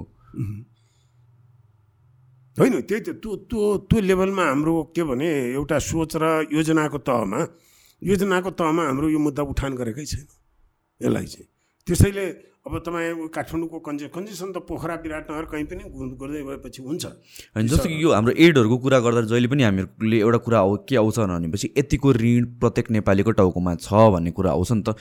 Do we have a plan for that कि यत्तिकै हामीहरू होइन लोनको के छ भने नि अब हामीले लोन लिनुपर्छ। हाम्रो के भने डेभलपिङ कन्ट्रीमा हामीले अन्तर्राष्ट्रिय अनुभव हेऱ्यौँ भने पनि अहिले जुन सफल भएका देशहरू कोरिया भन्नुहोस् चाइना भन्नुहोस् मलेसिया थाइल्यान्ड उनीहरूले पनि दाताहरूको लोन नै लिएर अझ सफ्ट लोन होइन हार्ड लोन उनीहरूको त लिएर विकास गरेका हुन्। त्यसैले हामी जुन यो नेपालीको थाप्लामा यति लोन पऱ्यो भन्ने त्यो एउटा वार्निङ त्यो सही नै हो। त्यसले एउटा राज्य सञ्चालन गर्नेहरूलाई एउटा जिम्मेवार हो है भन्ने सन्देश हो। एक्ज्याक्टली तर त्यसको सँगसँगै फेरि के हो होइन भने हामीले लोन लिनै हुँदैन। होइन हाम्रो चाहिँ जुन उत्पादक सेलमा हामी चाहिँ के भन्छ इन्भेस्टमेन्ट इन्फ्रास्ट्रक्चर भनौँ अथवा अरू सरकारको उसमा त्यसलाई चाहिँ इम्पोर्टेन्ट के हो भने लोन लिएर त्यसको सदुपयोग कसरी गर्ने भन्ने हो। तर अहिलेको वास्तविकता एडको अब खास गरी मेरो यसमा थोरै बायसेस पनि छ। यो वैदेशिक नेपालमा वैदेशिक सहयोगको जुन अभ्यास भइरहेको छ थोरै मेरो बायस छ। किनभने म गभर्मेन्टमा हुँदा म सिँचाइ विभागमा काम गरेँ पहिला स्थायी हुँदा र त्यसको आठ नौ महिना जति एसियाई विकास ब्याङ्कको इरिगेसन सेक्टर प्रोजेक्ट भन्ने थियो साना सिँचाइ आयोजनाहरूलाई लोन दिने। त्यसको चाहिँ म प्रोजेक्ट हेड क्वार्टरमा बसेँ जहाँ काम के हुन्थ्यो भने गाइडलाइनहरू मापदण्डहरू कसरी प्रोजेक्ट इम्प्लिमेन्टेसनहरू गर्ने भन्ने। र त्यतिखेर मलाई हेर्दा कस्तो थियो भने साना त्यतिखेरको तपाईँलाई पैँतालिस छ्यालिस सालको कुरा गर्दैछु। त्यो फार्मर्सहरूले मागेको चाहिँ उनीहरूलाई पैसा दिने हो भने दुई लाख तिन लाखको सिस्टम चार लाख पाँच लाखको चाहिँ मागेको छ। त्यो त्यो एडिबीको त्यो सिस्टमबाट आउँदाखेरि चाहिँ बिस लाख तिस लाख खर्च हुन्छ त्यसको। ए हामी चाहिने नचाहिने यति रिपोर्ट बनाएको हुन्छ। सोसियल रिपोर्ट त्योहरू। र म त्यहाँ बस्दाखेरि पनि म त्यो काम गर्दाखेरि पनि एडिबीको कन्सल्टेन्टहरूसँग वर्कसपहरूमा म चाहिँ यङ अफसर र अलि छुचो नै थिएँ म त्यतिखेर त्यही भएर नि म ब्युरोक्रासी चाँडै छोडेँ। मलाई यो इकोलोजी अलिक ठिक रहन्छ भनेर। त्यतिखेर मलाई एउटा यङ गभर्मेन्ट अफिसर हुँदा के चाहिँ नै रिफ्लेक्सन भयो भने सम्भवतः सायद यी दाताहरूको निर्देशिका त्यसले हाम्रा प्राथमिकता चाहिँ हाम्रो वास्तविकता हाम्रो प्राथमिकता रिफ्लेक्ट गर्दो रहेनछ भन्ने थोरै थियो र मलाई वास्तवमा भन्यो भने म यो ब्युरोक्रेसीबाट बाहिर गएर विकास सम्बन्धी नै पिएचडीसम्मकै अध्ययन गर्ने पब्लिक पोलिसीमै त्यसमा गर्ने। सुरुदेखि नै मलाई यो हाम्रो चाहिँ जुन विकासको मोडेल खाका स्पेसली वैदेशिक सहयोग र दाता निर्देशित त्यसकोमा म अलिकति स्केप्टिसिजम थियो। र पछि म जति काम गर्दै गएँ अझ त्यो चाहिँ भ्यालिडेट हुँदै गयो। र तपाईँलाई एउटा म सेयर गरौँ। जस्तो दाताहरू विश्व ब्याङ्क वर्ल्ड ब्याङ्क विश्व ब्याङ्क एसियाई विकास bank they are very important development partner अथवा बाइल्याटरल भन्नु जाइका कोइका युएसएआइडी डिएफआइडी एकदम इम्पोर्टेन्ट हाम्रो लागि छन्। तर भइदियो के भने अरू देशहरू जस्तो चिनले विश्व ब्याङ्कबाट धेरै सिकेको छ। जापानले विश्व ब्याङ्कको लोन ल्याएको छ। त्यो इन्सि इन्स्टिट्युसन बनाउनको लागि जापानमा अहिले तपाईँ टोकियोमा जानुभयो भने युरोपियनहरू अमेरिकनहरू चाहिँ नि जापानको बाटो देखेर डेभलप कन्ट्री मध्येको transport इन्फ्रास्ट्रक्चरमा Japan stand up very well त्यो चाहिँ। तर उनीहरूले उन्नाइस सय पचासमै उनीहरूको बाटो खतम थियो। र उन्नाइस सय छप्पन्नमा विश्व ब्याङ्कको एउटा टिमले त्यो जापानको रोड सम्बन्धी संस्थागत विकास कसरी बनाउने भन्ने त्यो हेल्प लिएको छन्। तर उनीहरूले के गरे भने आफ्नो प्राथमिकता रिफ्लेक्ट हुने एकचोटि लिए। एउटा प्रोजेक्ट दुईवटा प्रोजेक्ट लिए त्यसपछि आफै गरे। त्यस्तै चिनले धेरै लिएको छ। वर्ल्ड ब्याङ्कबाट लाभान्वित भएको छ। भारत भएको छ। मलेसियाले लिएको छ। तर हामी के भइदियौँ भने सुरुदेखि नै दाताहरूको चाहे अनुदान होस् लोन होस् त्यो हामीले हाम्रो प्राथमिकता परिभाषित गर्नै जानेनौँ। आएपछि दाताका आएपछि यस यस यस यस okay thank you very much भन्यौँ। अब पछि गएर त अलिकति कस्तो भइदियो भने भने राज्य संयन्त्रमा पनि अब यसलाई सुन्ने खास गरी कर्मचारी साथीहरूले अन्यथा नमानिदिनु होला। म धेरै रिस्पेक्ट गर्छु नेपालको ब्युरोक्रेसीलाई। आफू पनि पहिला त्यहाँ भए हुनाले। अब मानवीय त्यो गुण नै हो। दाताहरूसँग नेगोसिएट गर्दा हाम्रा राष्ट्रिय स्वार्थभन्दा आफ्नै स्वार्थ। त्यहाँ विदेश भ्रमण गर्ने आइटम छ कि छैन? गाडी किन्ने आइटम छ कि छैन? अथवा योजना आयोगमा भएका पदाधिकारीहरूलाई चाहिँ नि भोलि त्यो दाताको गरिदिइसकेपछि अब हाम्रो यहाँ त अस्थिरता छ। योजना आयोगबाट बाहिर गइसकेपछि अलिकति दाताको कन्सल्टिङ गर्नको लागि त्यसले सहजता गरिदिन्छ गरिदिन्छ कसरी सहयोग गरौँ भन्ने। अब यो अलिकति सुन्दाखेरि यो छोराजीले एक्जागरेटै गरौँ कि भन्ने पनि लाग्ला तर यति त यथार्थ हो। भेरिफाई गर्नु होला त्यसैले यो अहिलेको तपाईँले जुन प्रश्न उठाउनु भयो वैदेशिक एडको दाताको लोन भन्ने त्यसमा हामी त्यति तर्सिनु पर्दैन। किनभने विकासित देश भएपछि एउटा सजिलो हामीलाई के हुन्छ भने हामी वैदेशिक लोन नर्मली सामान्यता जिडिपीको पर्सेन्टेजमा हिसाब गर्छौँ। अहिले हाम्रो सबै लोन पब्लिक लोन आन्तरिक वैदेशिक गरेर सायद चालिस पैँतालिस प्रतिशत जिडिपीको हाराहारीमा छ त्यो कम्फर्टेबल हो। साठी सत्तरी प्रतिशतमा राम्रो मानिन्छ। होइन हामी त्यत्रो लोनबाट डराउनु पर्ने उनी भएको होइनौँ। र त्यसमा खास गरी हाम्रो राज्य संयन्त्रमा अर्थ मन्त्रालयको जुन फिजिकल डिसिप्लिन छ त्यसलाई श्रेय पनि दिनुपर्छ नभएकोमा। र वैदेशिक लोन त मलाई एकिन आँकडा भएन थाहा भएन। त्यो चालिस पर्सेन्टको आधा पनि आधाभन्दा पनि कम छ। त्यो चाहिँ। अब के हुन्छ भने हाम्रो अहिले एघार सय डलर प्रति व्यक्ति आएछ। त्यो बाइस सय भयो भने त्यो चालिस प्रतिशत त बिस प्रतिशत हुन्छ। जिडिपी बढेपछि त त्यो त घट्छ नि त। त्यसैले अहिले हामी आत्तिहाल्नुपर्ने कुरा चाहिँ त्यो होइन। होइन यति नेपालीको थाप्लोमा यति ऋण भयो भनेर आत्तिने भन्दा पनि हामीले लिएको वैदेशिक सहयोग चाहे त्यो अनुदान होस् चाहे त्यो ऋण होस् त्यो कसरी प्रयोग भएको छ भनेर अब बहस हुनु पऱ्यो अब बहस हुनु पऱ्यो र कमसेकम यो चाहिँ हाम्रो दाताहरू कति भयो भने कतिपय कुरामा अलिकति उहाँहरूको मिचा प्रवृत्ति। हेर्नुहोस्। ठिक छ दाताहरूको साझेदारी उहाँहरूको स्रोत हामीलाई चाहिन्छ। तर हाम्रो एउटा सार्वभौम सत्ता सम्पन्न मुलुक हो नेपाल सानो देश होइन ठिकठाकै देश हो। र यो अघि सन्दर्भ तपाईँले उठाउनु भएको थियो निजगढको पोहोर साल। निजगढमा वातावरणको पनि एउटा मुद्दा छ त्यो हाम्रो घरेलु मुद्दा हो। हामीले सल्टाउने मुद्दा हो। वातावरण इम्पोर्टेन्ट हो हामीले संरक्षण गर्नुपर्छ। हामी क्लाइमेट चेन्जको भल्नरेबिलिटीमा छौँ। त्यो महत्त्वपूर्ण हो। तर के गर्नुभयो भने त्यो राष्ट्रिय गौरवको आयोजना हो अहिलेसम्म सरकारले राष्ट्रिय गौरवको एउटा बाहिर निकालेको छैन। केही दाताका काठमाडौँ स्थित दाताका अफिसका प्रमुखहरूले वक्तव्यबाजी गर्नुभयो। निजगढ एयरपोर्टमा वातावरण बर्बाद पर्ने हो यसरी विरोध गरौँ भनेर उहाँहरूले इन्भाइरोमेन्ट डेको दिन वक्तव्यबाजी गर्नु म सिटिजनको हिसाबमा आई स्ट्रङली अब्जेक्टेड म भएको भए म प्रधानमन्त्रीजीको नजिक अथवा अर्थमन्त्रीजीको नजिक भएको भए कमसेकम उहाँलाई बोलाएर हप्की खप्की गर्नुहोस् भन्नु पर्थ्यो। कति कति देशमा त लु त इन्डियामा यदि होस् इन्डियाले निकालिदिन्छ। यो चाहिँ। त्यसैले यो जुन हाम्रो विकासको मोडेल विकासको नीति विकासको प्राथमिकता विकासको बाटो पहिलाउने हाम्रो परिवेश हाम्रो आवश्यकताहरू त्यसमा हामी पहिल्यैदेखि नै चुक्दै आएको थियौँ र त्यसमा अहिले त्यो खाली ठाउँमा कता कता दाताहरूका प्राथमिकता होइन प्राथमिकता मात्र होइन विकासका प्राथमिकता मात्र होइन। दाताहरूका सामाजिक अभियानहरू यहाँका आइएनजिओका हाम्रा चाहिने नितान्त राजनीतिक र सामाजिक मुद्दाहरूलाई आइएनजिओहरूको एउटा चाहिने आयोजनाको रूपमा त्यसलाई मुद्दा बनाएर त्यसलाई चाहिँ राजनीतिक रूपमा प्रभाव गर्ने त्यो धेरै आपत्तिजनक कुरा हो। र त्यो समग्र जुन यहाँले वैदेशिक सहयोगको कुराहरू हो त्यसलाई हामीले राजनीतिक तहमा र एउटा पेसागत बौद्धिकताको तहमा पनि यो समीक्षा गर्नुपर्ने ठाउँमा हामी आइपुगेका छौँ। गम्भीर समीक्षा यसले खोजेको छ जस्तो लाग्छ मलाई। ओके सो अलिकति अब जेनरल गफ गरौँ टेक्निकल कुराहरू बेसी भयो जस्तो अब आजको लागि। हामीहरूको अघि हामीले कुरा गरेर आएको थियो नि अहिलेको जेनेरेसन या अहिलेको जेनेरेसन नमात्र अहिलेको टाइममा एउटा एउटा ऱ्यासनल एउटा लजिकल कन्भर्सेसन गर्न क्रिटिकल थिङ्किङ पोइन्ट अफ भ्यूबाट कन्भर्सेसन गर्ने गाह्रो छ कि? होइन हामी ट्विटरमा कुरा गरौँ या भन्छ कुनै पनि सोसियल मिडियामा कुरा गर्दाखेरि चाहिँ मान्छेहरूले कुन हिसाबले जज गर्छ भनेर भनेपछि के कन्भर्सेसन भइरहेछ होइन कि कसले कन्भर्सेसन लिड गरिरहेको छ? मलाई यो चाहिँ एकदमै अलिकता अलिकता लङ रनमा चाहिँ मलाई चाहिँ अलिक खतरेको कुरा हो जस्तो लाग्छ। किनभने इभेन्चुली क्रिटिकल थिङ्किङ क्यापेसिटी घट्दै गएपछि ऱ्यासनल कन्भर्सेसन नभएपछि मान्छे त जता भुलायो त्यता भुलिन्छ नि त। होइन इमोसन्सको बेस बेसीमा बेसिसमा जता भुलायो त्यहाँ भुलिन्छ। एन्ड त्यसले गर्दा तपाईँहरू जस्तो मान्छेहरूलाई पनि ओपनली एउटा ओपिनियन दिनको लागि त्यो ठाउँ एउटा साँगुरो हुँदै गइरहेको छ जस्तो मलाई लाग्छ कि?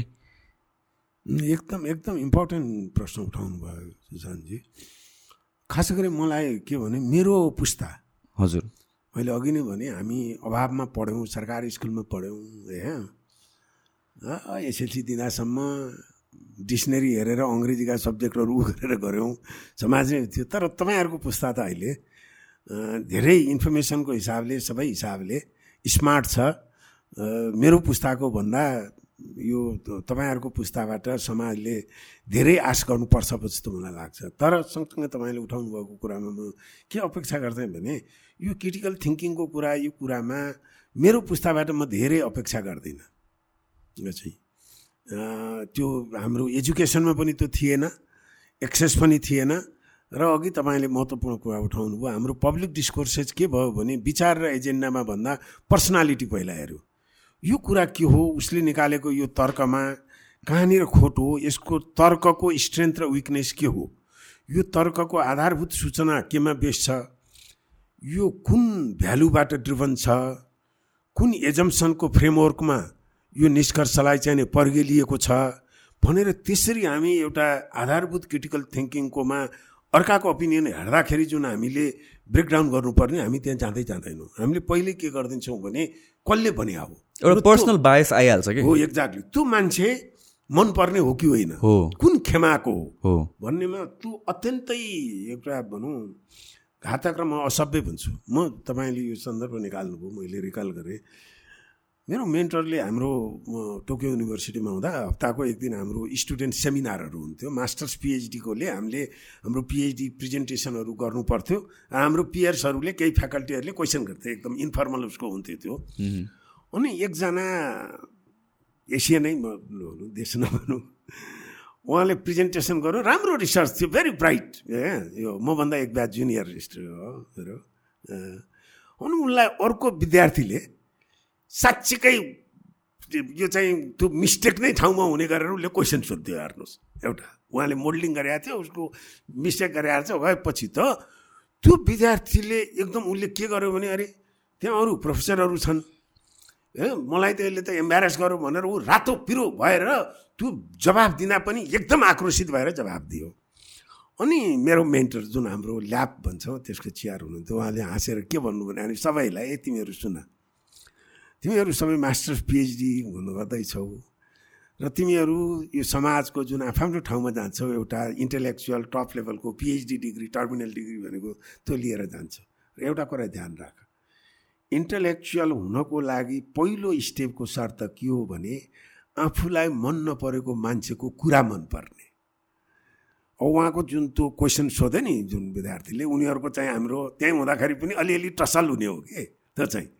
अनि उसले चाहिँ त्यो व्यक्तिसँग भएको रिस आयो प्रोफेसरले पनि बुझ्नुभयो। अनि उहाँले के भन्नुभयो भने तिमीहरू आफूलाई मन नपरेको मान्छेको कुरा मन पर्न थाल्यो भने तिमीहरू के भन भने म इन्टेलेक्चुअल सही बाटोमा छु भन। हो। यो कुरा हाम्रोमा के चाहिँ एउटा देखियो भने त्योसम्म त पुरै सुन्नुहोस् अब यो कतिपय कुरा म सामाजिक सञ्जालमा अलिकति म एक्टिभ छु। म एम्युजिङली म लिन्छु। तपाईँले भन्नुभयो म रिफ्लेक्सनको लागि सूचनाको लागि त लिन्छु। म थोरै राजनीतिमा पनि इन्भल्भ थिएँ। कतिपय मैले ट्विटहरू लेखेँ भने ती राजनीतिक प्रकृतिका पनि हुन्छन् नै। म अझै राजनीतिमा एक्टिभ छु। म आउने सम्भवतः चुनाव लड्न पनि सक्छु स्वतन्त्र रूपमा। त्यसैले म राजनीतिक डोमेनमै छु। हो म एउटा अध्यता पनि हुँ मेरो आफ्नो विभिन्न छ इन्जिनियर पनि हुँ प्लानर पनि हुँ र म विभिन्न किसिमका मिक्स मेरा चाहिँ ओपिनियनहरू हुन्छन्। अनि म हेर्छु मलाई फलोअप गर्नेहरूबाटै आउँछ। मैले भेटेको पनि छैन कुरा पनि गरेको हुँदैन। र एकैचोटिमा गाली हुन्छ त्यहाँ क्वेसन्स मेरो तर्क र मेरो उसकोमा क्वेसन्स होइन। त्यहाँ के हुन्छ भने मेरो नियतमा हुन्छ। अझ यो त परिचालित नै हो। यो हो भन्ने। म त्यो कुरा म फेरि दोहोऱ्याउँछु। त्यो मेरो पुस्ताकाबाट हामी बुढा भइसकेकोबाट म खासै महत्त्व दिन्न। किनकि त्यो त्यसरी नै ट्रेन भएर आएको छ। होइन तर म जब युवा पुस्ताहरूकोबाट आउँछ that makes me bit a concern त्यो चाहिँ। र त्यो किन भयो त भन्दा मलाई के लाग्छ भने हाम्रो एजुकेसन सिस्टम अहिले काठमाडौँमा राम्रा स्कुलहरू तपाईँ हाई स्कुलहरू नै प्लस टूका राम्रा स्कुलहरू छन्। र र धेरै स्कुलहरूको करिकुलम एउटा उलेन्स छ आइभीको they have this IB curriculum is critical थिङ्किङमा धेरै राम्रोमा आउँछ। है त्यहाँको म केही स्टुडेन्टहरू म त्यहाँ भने पनि यङहरू मेरो परिवारकै स्कुलमा भने तपाईँको यो कन्सर्न म टेस्ट गर्छु। त्यो बाहेकका अरू स्कुलहरूमा क्रिटिकल थिङ्किङको राम्रा स्कुलहरूमा पनि पढाइ हुँदैन अझै। पढाइँदो रहेछ ए लेभल धेरै स्कुलहरूले पढाउँछन्। ए लेभलमा सायद जेनरल स्टडी के भन्ने हुन्छ? This is about critical thinking र वास्तविकता के हो भने त्यो स्टुडेन्टलाई पढाउ उनीहरूलाई करिकुलम पढाउने भन्दा पनि पढाउने मान्छे नै छैन। त्यो क्रिटिकल थिङ्किङको मर्म बुझेको। Scientific critical thinking is about objective thinking scientific thinking it's a research research भनेको हेर्नुहोस् तपाईँले रिसर्च माइन्ड हुनलाई पिएचडीको डिग्री जरुरी हुँदैन। तपाईँले एक दिनमा एक दर्जन रिसर्च गर्नुहुन्छ। Research is about collecting information तपाईँको प्रब्लम एट ह्यान्ड छ। त्यसमा के गर्नको लागि तपाईँ इन्फर्मेसन कलेक्ट गर्नुहुन्छ थोरै रिसर्च गर्नुहुन्छ कन्क्लुजनमा निस्कन्छ? It's arriving at the logical line objective conclusion होइन र? त्यो कुरा त एभ्री हामी हाउस होल्डमा हरेक नागरिकले गरिरहेको हुन्छ। र त्यो त एउटा एजुकेटेड मासमा अहिलेको पुस्ता राम्रो स्कुल पढेको इङ्ग्लिस मिडियम स्कुल पढेको त्यसमा त अझ निखार आउनुपर्ने होइन र? तर ठ्याक्क म तपाईँको स्पिरिटसँग फुली गर्छु। म डिसपोइन्ट कहिले के हुन्छ भने राजनीतिकै कुरामा पनि म धेरै युवाहरूसँग म अन्तर्क्रियामा कुरा गर्छु। अनि राम्रो कुरा एउटा एउटा सिक्न खोज्ने होइन राजनीतिकै कुरामा चाहिँ नि इन्भल्भ हुन खोज्ने त्यो समूह पनि छ। युवाहरूको समूह पनि छ र खास गरी एउटा मैले देखेको यो युवा समूहमा एउटा टेम्पटेसनमा के देख्छु भने एक्टिभिस्ट हुने। अब एक्टिभिजम समाजलाई चाहिने कुरा हो। एक्सट्रिमिजम पनि होइन एक्टिभिजम। हो होइन तर एक्सट्रिमिजम पनि छ कि? हो त्यो पनि छ अतिवाद पनि छ। र एक्टिभिजम चाहिँ के हो भने म खास गरी युवा साथीहरूलाई जहाँ क्यारियर बिल्डिङ एकाडेमिक बिल्डिङ कन्टेन्टको उसमा एक्टिभिजम भनेको इसेन्सियली नै त्यो भ्यालु बेस्ड हुन्छ। त्यो चाहिँ। तपाईँ मलाई भन्नुहुन्छ भने म सकभर टाढा रहन चाहन्छु म as a active as a academics मैले एक्टिभिजमको कुनै भ्यालु ग्रहण गर्ने भनेको मेरो academic part scientific part objective part चाहिने त्यसले चाहिने कमजोर बनाउँछ डाइल्युट बनाइदिन्छ। त्यो चाहिँ। त्यसैले नेपालमा कस्तो देखियो भने युवाहरू क्रियाशील हुन चाहन्छन्। समाजमा इन्भल्भ हुन चाहन्छन् एक्टिभ हुन चाहन्छन् तर हाम्रो त्यो एजुकेसन सिस्टमले जुन यहाँले सङ्केत गर्नुभयो नि त्यो क्रिटिकल थिङ्किङ हामीले विषयवस्तुलाई कसरी पर्गेल्ने कसरी भ्यालुट गर्ने त्यसका चाहिँ कन्स्टिच्युएन्ट इलिमेन्टहरू के के हुन् तपाईँको र मेरो कन्क्लुजन एउटै विषयमा कन्क्लुजन फरक छ भने के कारणले भयो? इन्फर्मेसन फरक भएर भयो कि? हाम्रो भ्यालु सिस्टम फरक हो कि? एजम्सन फरक हो कि? होइन हाम्रो चाहिँ फ्रेम अफ एनालिसिस नै अलग अलग छ कि? भन्ने त्यहाँतिर गएको म धेरै युथहरूको म पाउँदिनँ। एकदमै सुपरफिसियल र रियाक्टिभ इमोसनली ड्रिभन भयो कि? इमोसनली ड्रिभन भयो त्यो हुने बित्तिकै इमोसन्सले ओभरटेक गर्ने बित्तिकै rationality goes out of the window problem म त्यहाँ देख्छु कि? And then once that happens see तपाईँको र मेरो सबै कुरा मिल मिल्छ भन्ने जरुरी छैन। तपाईँले सबै कुरा मेरो अग्री गर्नु जरुरी छैन मैले तपाईँको सबै कुरा अग्री गर्नु जरुरी छैन। तर तपाईँको कुरामा सबै just because I don't agree with you on one thing तपाईँको एभ्रिथिङलाई डिसमिस गर्नु त मिलेन नि त होइन? त्यो त मेरो लागि लस भयो। Same goes with the other party as well so एउटा सम सोर्ट अफ डिसएग्रिमेन्ट हुनु नेचुरल नै हो राइट तर त्यसलाई केलाएर एउटा ऱ्यासनल पोइन्ट अफ भ्यूले अरू कुराहरूलाई पनि हेर्नु चाहिँ एकदम इम्पोर्टेन्ट छ कि। The way I see it is अहिले everything is so influencer driven कि। अहिलेको इकोनोमी अहिलेको सिस्टम अहिलेको society it's so influencer driven be it आर्टिस्टले influence गरोस् बिट नोन अन्टरप्रिन्यर्सहरूले इन्फ्लुएन्स गरोस् तर इन्फ्लुएन्सर्सले बेसिकली केतिर लिन गरिरहेको छ भनेर भनेपछि टुवर्ड्स एउटा वेमा चाहिँ ग्रुप आइडेन्टिटी क्या एक्ज्याक्टली ग्रुप आइडेन्टिटीको बेसिसमा ड्राइभ गरेर आएको छ र इमोसन्सको बेसिसमा ड्राइभ गरेर आएको छ र त्यसबाट छुट्टेर वान स्टेप पछाडिबाट हेर्नलाई rationally it's very important and मेरो concern is next two three years three five इयर्समा त्यो हराएर जान्छ क्या we I have witness it declining last two three इयर्समा त्यो डिक्लाइन हुँदै गएको छ कि? होइन मान्छेले जे भने भेडा जस्तो पछाडि दौडिदिएछ कि? होइन विदाउट केलाएर। एन्ड त्यो हुँदै जानु भनेको हाम्रो एउटा सिभिलाइजेसन हाम्रो एउटा सोसाइटीको त डिम डिमाइस हो एउटा वेमा वेमा प्रोग्रेस नहुनु। यो कुराहरू कुन बेलामा पनि आउँछ भने चाहिँ हाम्रो एजुकेसन सिस्टमको पनि एकदम इम्पोर्टेन्ट रोल आउँछ। जब वान आई टक टु टिचर्सहरू प्रोफेसर्सहरू उहाँहरूले के भन्नुहुन्छ भने कति कुरा दिज आर फ्याक्ट्स तर स्टुडेन्ट्सको अगाडि भन्नै मिल्दैन। उनीहरूले रिभोल्ट गरिहाल्छ। भनेपछि के भयो भनेपछि झन् कुराहरू थिचिँदै गयो। झन् कुराहरू outspoken भइएन। So that is an overall issue I see educational ग्राउन्डबाटै होइन जुन तपाईँले अघि कुरा गर्नुभयो लाइक युनिभर्सिटिजहरूको एजुकेसनल सिस्टमको कुराहरू those are problematic in the long run होइन एक्ज्याक्टली अब यो तपाईँले सबै यो समेट्नुभयो तपाईँको टिप्पणीमै भनिसक्नुभयो। है यो एउटा त हामी इन्टेलेक्चुअल ग्रोथको लागि चाहे त्यो व्यक्तिगत तहमा होस् चाहे इन्स्टिट्युसनल तहमा होस् चाहे सामूहिक तहमा होस् जब हामी डिफरिङ ओपिनियनमा कम्फर्टेबल फिल गर्दैनौँ त्यसपछि त्यो जमेको पानी हुन्छ। तपाईँले सही भन्नुभयो एउटा ग्रुप आइडेन्टिटी सिन्डिकेट विचारको सिन्डिकेट अनि कस्तो भने टेबलको वरिपरि तपाईँ सात आठजना मान्छे हुनुभयो भने तपाईँको त्यहाँ इकोलोजी के हुनु पऱ्यो भने I scratch your back you scratch my back एउटाले अर्कालाई बनाएर त्यहाँ चाहिँ नि डिफ्रेन्सेस भने त्यहाँ कुरो काट्न थाल्यो भने त्यो चाहिँ ग्रुपबाट चाहिँ आउट हुने। त्यसले डेन्जरस चाहिँ नि के दिन्छ भने नि त्यो त्यो एउटा एकदमै होमोजिनियस मनोलिथिक त्यो विचारमा तपाईँले मनोलिथिक हुने बित्तिकै विचार परिष्कृत हुँदैन। हेर्नुहोस्।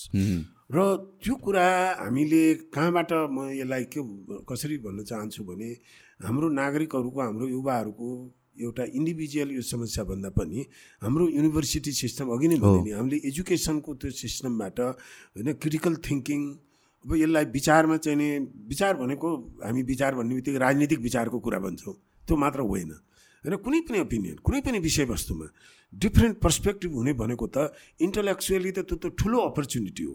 आफूले रिफ्लेक्ट गर्ने किनभने कुनै पनि कोही पनि तपाईँको मान्छे पर्फेक्सन भन्ने हुँदैन होइन? उस सकरेट्सको एउटा एक्सपिरियन्स छ नि I know I don't know भन्ने।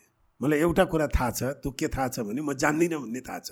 हो त्यो स्पिरिटबाट हामीले तपाईँको एजुकेसनदेखिबाट नै हाम्रा युथहरू हाम्रो प्रोफेसनल्सहरू चाहिँ एउटा डिफरिङ ओपिनियनहरूसँग कम्फर्टेबल हुने सहजसँग त्यसलाई लिने होइन? त्यो चाहिँ मर्दै गएको छ। त्यसले के गर्छ भने नि त्यसको इम्प्याक्ट यो इन्टेलेक्चुअल डोमेनमा मात्र पर्दैन। एकाडेमिक डोमेनमा मात्र होइन। हाम्रो बिजनेस हाम्रो इकोनोमी सबैमा हुन्छ। तपाईँ यहाँ कस्तो हुन्छ भने तपाईँले एउटा कुनै बिजनेस रन गर्दै हुनुहुन्छ पाँचजना मान्छे मिलेर। सुरुमा तपाईँको कुरा मिल्यो। त्यो गर्दै जाँदा त त्यो बिजनेस ग्रो हुन त डिफ्रेन्ट ओपिनियनलाई चाहिँ एकोमोडेट गर्ने हुनुपर्छ नि त। तर हामी के गर्छौँ भने मैले फिल गर्दा नेपालीहरूको हाम्रो कतिपय कुरामा आयो भने सानो कुरामा हाम्रो त्यहीँबाट कन्फ्लिक्ट हुन्छ। होइन?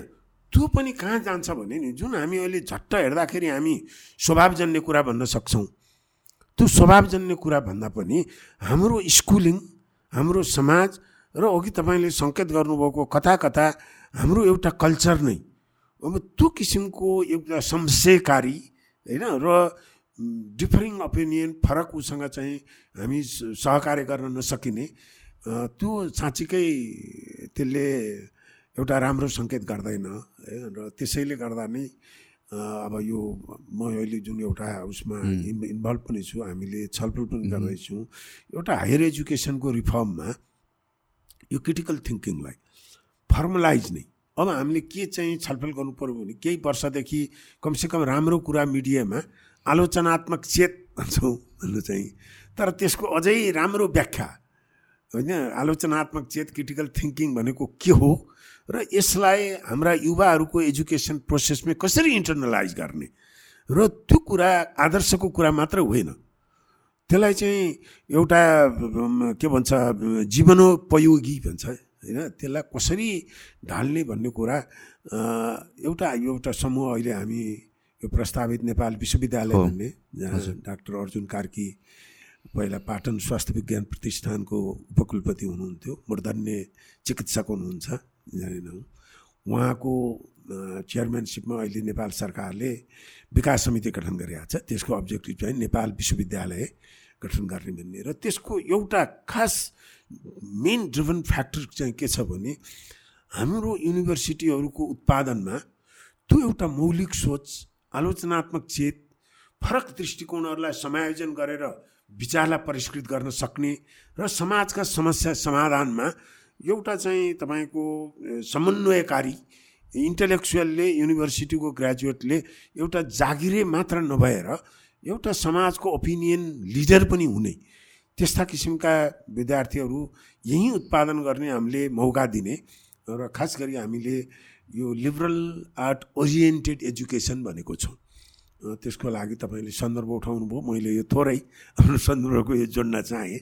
हामी यो छलफलमै छौँ र छाँड चाँडै नै एक दुई वर्षभित्र नै अब यो विश्वविद्यालय सञ्चालनमा ल्याउने र वास्तवमा यो विश्वविद्यालयको स्वरूपमा नेपालभित्र संसारभरि छरिएका एउटा अध्ययन अनुसन्धान प्राज्ञिक र यो आलोचनात्मक चेत तपाईँले अहिले जुन छटपट्टिको साथ यो प्रश्न उठाउनु भयो नि यो छटपट्टि र यो तातो भएका हाम्रा सबै युवा साथीहरू सबैलाई नै यसलाई हामीले एउटा सादा इनिसिएटिभको रूपमा यसलाई बनाएर यो क्रिटिकल थिङ्किङको कुरा हायर एजुकेसनमा नै इन्टरग्रेट गरेर त्यसलाई चाहिँ एउटा उच्च शिक्षाको प्रोसेसमै यसलाई समायोजन गर्ने सोचका साथ हामीले उ गरेका छौँ र यो सन्दर्भमा मैले खालि के जोड्न चाहेको भने यसलाई यो यो युनिभर्सिटी एजुकेसन र इभन स्कुलसम्ममा पनि हामीले यो विषय चाहिँ जुन अहिले साँच्चीकै एउटा सभ्य मर्यादित किसिमको सार्वजनिक बहस पनि हुन नसक्ने अवस्थातिर हामी घिस्रिँदैछौँ। त्यसकोमा त्यसमा ऱ्यासनालिटी भन्दा इमोसन पहिला छ। विचारमा भन्दा पहिला व्यक्तिलाई आक्रमण गर्छौँ। विचारलाई जतिसुकै लपेट्दाखेरि पनि हेर्नुहोस् के हो भने सुनलाई जति पिट्यो त्यति चम्किलो हुन्छ भन्छ नि। विचार भनेको त्यस्तै हो। तपाईँको मेरो मैले कुनै एजेन्डा हुँदा तपाईँले मेरो विचारलाई जति तपाईँले आलोचना गर्छु मलाई फाइदा के हुन्छ भने त्यो मेरो एजेन्डालाई मेरो सोचलाई अझ परिस्थिति बनाउने त अपर्च्युनिटी हो। त्यसकोमा। तर केमा आउनु पऱ्यो भने त्यो बहसकोमा अब सुरु नै अब त्यो विचारको छैन व्यक्तिलाई आक्रमण गर्ने व्यक्तिलाई चाहिँ नि पर्सनालिटीको मात्रै भएपछि त त्यो एउटा सिभिलाइज डिस्कोर्सेसको एउटा अवस्था नै रहँदैन। त्यसैले यो छलफल हुनुपर्ने अलिक गहन विषय लाग्छ सुशान्तजी मलाई ओके आई थिङ्क सघाउनुपर्छ जसलाई आज हामी धेरै discuss thank you so much आउनुभएकोमा। I think यो हामीले गरेको कन्भर्सेसनहरू एकदमै भइराख्न जरुरी छ यहाँ टेबल मात्र नभएर अरू मान्छेहरूले पनि बुझ्न जरुरी छ। And the importance of having एउटा सिभिल कन्भर्सेसन एउटा क्रिटिकल थिङ्किङ एउटा ऱ्यासनल कन्भर्सेसन हुन चाहिँ एकदम इम्पोर्टेन्ट छ। एन्ड होपफुली यो पडकास्टबाट चाहिँ त्यो मान्छेहरूले देख्नुहुन्छ तपाईँलाई रिच आउट कसरी गर्ने कहाँ रिच आउट गर्न सकिन्छ? मान्छेहरूले तपाईँ केही थप्नु पर्ने छ भन्नुभयो। गर्नुभयो हुन्छ थप्नुभयो पनि हुन्छ। होइन मलाई हेर्नुहोस् खास अहिले तपाईँले धेरै कुराहरू यो समेटिसक्नु भएको छ। म पहिला त तपाईँलाई धन्यवाद दिन चाहन्छु। र अहिलेसम्म यो तपाईँको मेरो कन्भर्सेसन अलिक पट्यार लाग्दो पनि भयो होला लामो पनि भयो होला जसले सुनिदिनु भएको छ उहाँलाई धन्यवाद पनि दिन चाहन्छु। र म यस्तो कन्भर्सेसनको एउटा महत्त्व के देख्छु भने हामी अहिले नेपालमा हेऱ्यौँ भने धेरै क्षेत्रहरूमा हामी एउटा निराशा बढ्दै गएको छ। होइन राजनीतिमा भनौँ अर्थतन्त्रमा भनौँ उद्योग धन्दामा भनौँ होइन रोजगारीमा हाम्रा युवाहरूले यहाँ भन्नुहोस् न काम गर्छु भन्दा पनि हाम्रा युवाहरूले त्यसै सरकारबाट भत्ता देऊ भनेर मागेको होइन। आफ्नो क्षमताअनुसार काम गर्छु भन्दा पनि त्यो नपाएर होइन विदेश जानुपर्ने विदेश सिर्नुपर्ने होइन परिवार छोडेर त्यो अवस्था छ। त्यसैले धेरै उसमा चाहिँ एउटा निराशता छ। तर सँगसँगै मलाई म एउटा सकारात्मक के पनि देख्छु भने खास गरी अब यो युवा पुस्ता मैले अघि पनि भने मेरो पुस्ताबाट पुरानो पुस्ता चाहे राजनीतिकमा होस् चाहे त्यो बौद्धिकतामा होस् हामी एक्जस्टेड भइसकेको छौँ। धेरै कुराहरू अब नयाँ कुराहरू हामीबाट त्यो कस्तो हुँदो रहेछ भने उमेरले पनि हुँदो रहेछ। म अहिले गएको एक वर्षदेखि म घर बनाउँदैछु मेरो घर थिएन। अनि त्यो घरको डिजाइन गर्नदेखि मैले आर्किटेक्ट लगाएँ मैले आफैले रिफ्लेक्ट गरेँ भने मेरो परिवारमा हामी तिन पुस्ता छौँ मेरो आमा हुनुहुन्छ। चौरासी वर्षको अनि म मेरो श्रीमती भयो मेरो तिनवटा बच्चाहरू छन्। त्यो घरको डिजाइनै कुरा भयो भने हाम्रो तिन पुस्ताकै कुरा मिल्दैन। मैले नक्सा नै देखेँ भने पनि मेरो आमाले पनि नक्सा नबुझे पनि ओ यो यत्रो बनायो यो ठुलो भयो सानो भन्नुहुन्छ उहाँले हामी सुन्नुपर्छ। मेरो श्रीमतीको र मेरो पनि एउटा किसिमको छ मेरो श्रीमतीको भान्सा कस्तो हुन्छ? होला। मेरो छोरीले त्यो भित्रको रङ कस्तो हुन्छ भन्ने चाहिँ मलाई त्यो मैले किन यो सेयर गरेको भने नि मैले त्यो रिफ्लेक्ट गरेँ भने त्यहाँ मोर भर्टिकल यो चाहिँ एसर्टिभ इम्पोजिङ यो हुनैपर्छ भन्ने ढिपी त्यहाँ मेरो तिनवटा बच्चाहरूमा पाउँछु कि। अनि म मेरो श्रीमतीसँग कुरा गरेँ भने मैले के भन्छु भने हामीले यिनीहरूको कुरा सुन्नुपर्छ we have to ill to them किनकि मैले यत्रो ऋण धन गरेर मैले घर बनाउँछु काठमाडौँमा भने कन्क्रिटको बिल्डिङ हो म आफै इन्जिनियर हो ठिकठाकै बनाउँछु। मिनिमम त्यसको साठी वर्ष लाइफ हुन्छ।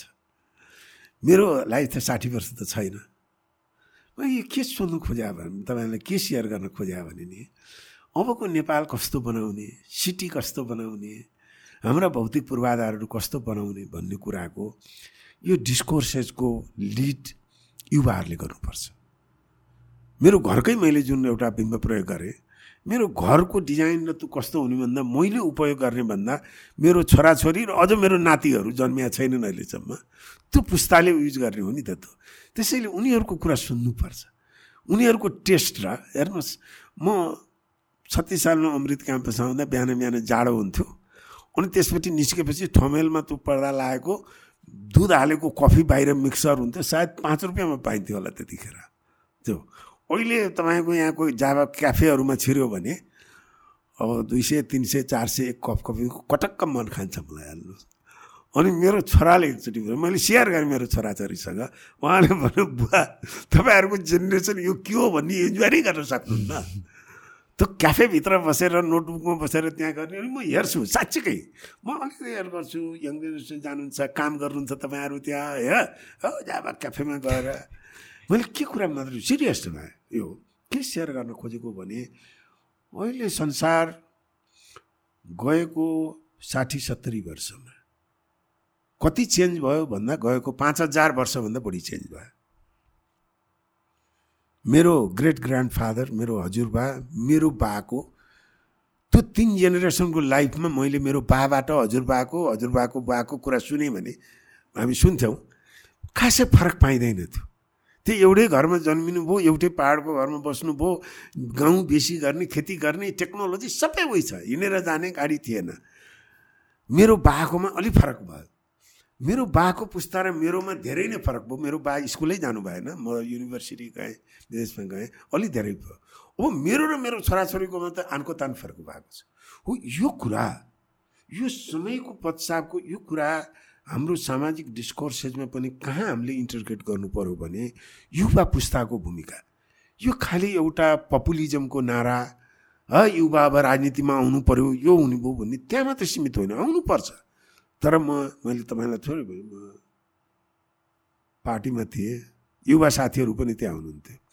यतिसम्म भन्ने मलाई अनुमति दिनुहुन्छ सुशान्तजी केही अपवाद बाहेक मेरो पार्टीमा भएका युवा साथीहरू जुन मिडियामा यताउति ठुल्ठुला उहाँहरूका कुरा हुन्थे म चाहिँ त्यति प्रभावित भइनँ त्यो युवा पुस्ताबाट। त्यसैले अबको तपाईँ हाम्रो मेरो जेनेरेसनको एउटा के हो भने एउटा क्षमतावान पोटेन्सियल भएको त्यो युवा पुस्तालाई ठाउँ दिने हो भने त।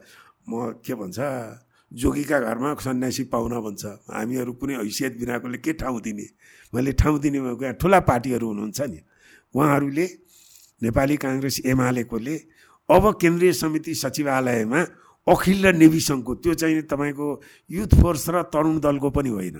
अखिल र नेभी सङ्घको तिस बत्तिस वर्षको युवाहरूलाई ठाउँ दिनुहोस् र मेरो जीवनकालमै चालिस वर्षको टोनी प्लेयर जस्तै चालिस वर्षको एउटा क्षमतावान राजनीतिक चरित्र भएको त्यो युवा प्रधानमन्त्री देख्न र त्यसले एउटा के गरोस् भने म चाहिँ धेरै देशहरू घुमेँ विदेशमा धेरै बसेँ।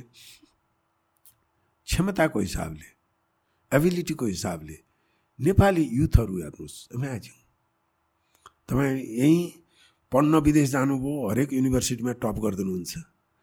यत्रो ब्याकग्राउन्ड यत्रो अभावबाट हुर्केर आएर म चाहिँ विदेशमा हुँदा बर्लिन गएँ न्युयोर्क गएँ भने नेपालीहरू कहीँ कहीँ त्यहाँको इन्टरनेसनल कन्फरेन्सहरूमा भेट्यो भने they are commanding very high salary कहाँ भनौँ भने नेपाली हो भन्नुहुन्थ्यो। अहिलेको तपाईँहरूको जेनेरेसनको। त्यो हामीले के बुझ्नु पऱ्यो भने त हाम्रो समाजको त्यो एसेट हो। त्यो युवाहरू अहिले यहीँ काठमाडौँमा पनि त्यो अपर्च्युनिटी हामीले दियौँ भने त्यो प्रस्फुरत हुन मौका दियो भने त्यो क्षमता हाम्रो युवा पुस्ताहरूमा छ र खालि अघि अघिल्लो जुन तपाईँले प्रश्न उठाउनु भएको मेरो एउटै आग्रह युवा साथीहरूलाई के हो भने म फेरि भन्छु अब यो अलिकति विचारहरू बनाउँदा कन्टेन्टको कुरामा दृष्टिकोण बनाउँदाखेरि नबहकिदिनु होला र एउटा फेजसम्म यो चाहिँ जुन एक्टिभिजम छ एक्टिभिजमभन्दा पहिला कन्टेन्ट डेभलपमेन्ट गर्नुहोस्। कन्टेन्ट भइसकेपछि तपाईँहरूको वाला कसैले अर्काले थोपर दिएको भ्यालुको पछि पछि दौडिने होइन। आफ्नो भ्यालु जेनेरेट गर्ने हो आफ्नो मौलिक विचार सिर्जना गर्ने हो। त्यो बनाउनको लागि या त शिक्षाको महत्त्व हुन्छ पियर सम्बन्धको महत्त्व हुन्छ मेन्टरिङको महत्त्व हुन्छ सामाजिक नेटवर्किङको महत्त्व हुन्छ र अहिले जुन आइटीको इन्टरनेट जुन सूचना प्रविधि यसले तपाईँहरू होइन संसारका चाहिँ बेस्ट युनिभर्सिटीका इन्फर्मेसनहरू एक्सेसिबल छन् ए त्यो त्यो नेपालमै बसेर काठमाडौँमै बसेर पनि त्यो क्षमता अभिवृद्धि गर्ने आफ्नो व्यक्तित्व विकास गर्ने आफूलाई त्यसरी ढाल्ने अवसर छ र तपाईँले जुन यो मलाई मौका दिनुभयो अन्तिम मेरो स्टेटमेन्ट के भनेर टुङ्ग्याउन चाहेँ भने तपाईँको पुस्ताको जुन नेपालको भविष्यको तपाईँहरू जग हो तपाईँहरूसँग आधारित छ र त्यो जसको चाहिँ म राम्रो भविष्य देख्छु र यी कुराहरू हामी अहिले जति जुन स्पिरिटमा हामीले विभिन्न पाटाहरू छलफल गऱ्यौँ त्यसलाई सम्बोधन गर्ने ती एजेन्डाहरू ती दृष्टिकोणहरूलाई लिड गर्ने नेतृत्व दिने एउटा सभ्य बहसमा एउटा नयाँपन दिने हाम्रो पुस्ताले पनि तपाईँको पुस्ताबाट सिकोस्। यो पो हुँदो रहेछ अघि जुन भन्यौँ नि एबिलिटी होइन to be comfortable with the disagreement फरक विचारसँग पनि सहजताका साथ एउटा मर्यादित बहस चलाउने होइन त्यो कुरामा तपाईँहरूले लिड लिइदिनुहोस् नेतृत्व लिनुहोस् सक्नुहुन्छ भने राजनीतिक तहमै गर्नुहोस् अझ त्यसलाई। यति भन्दै मलाई फेरि त्यसको मौका दिनुभयो। शान्ति धेरै धेरै धन्यवाद। Thank you so much Suraj thank you so much guys bye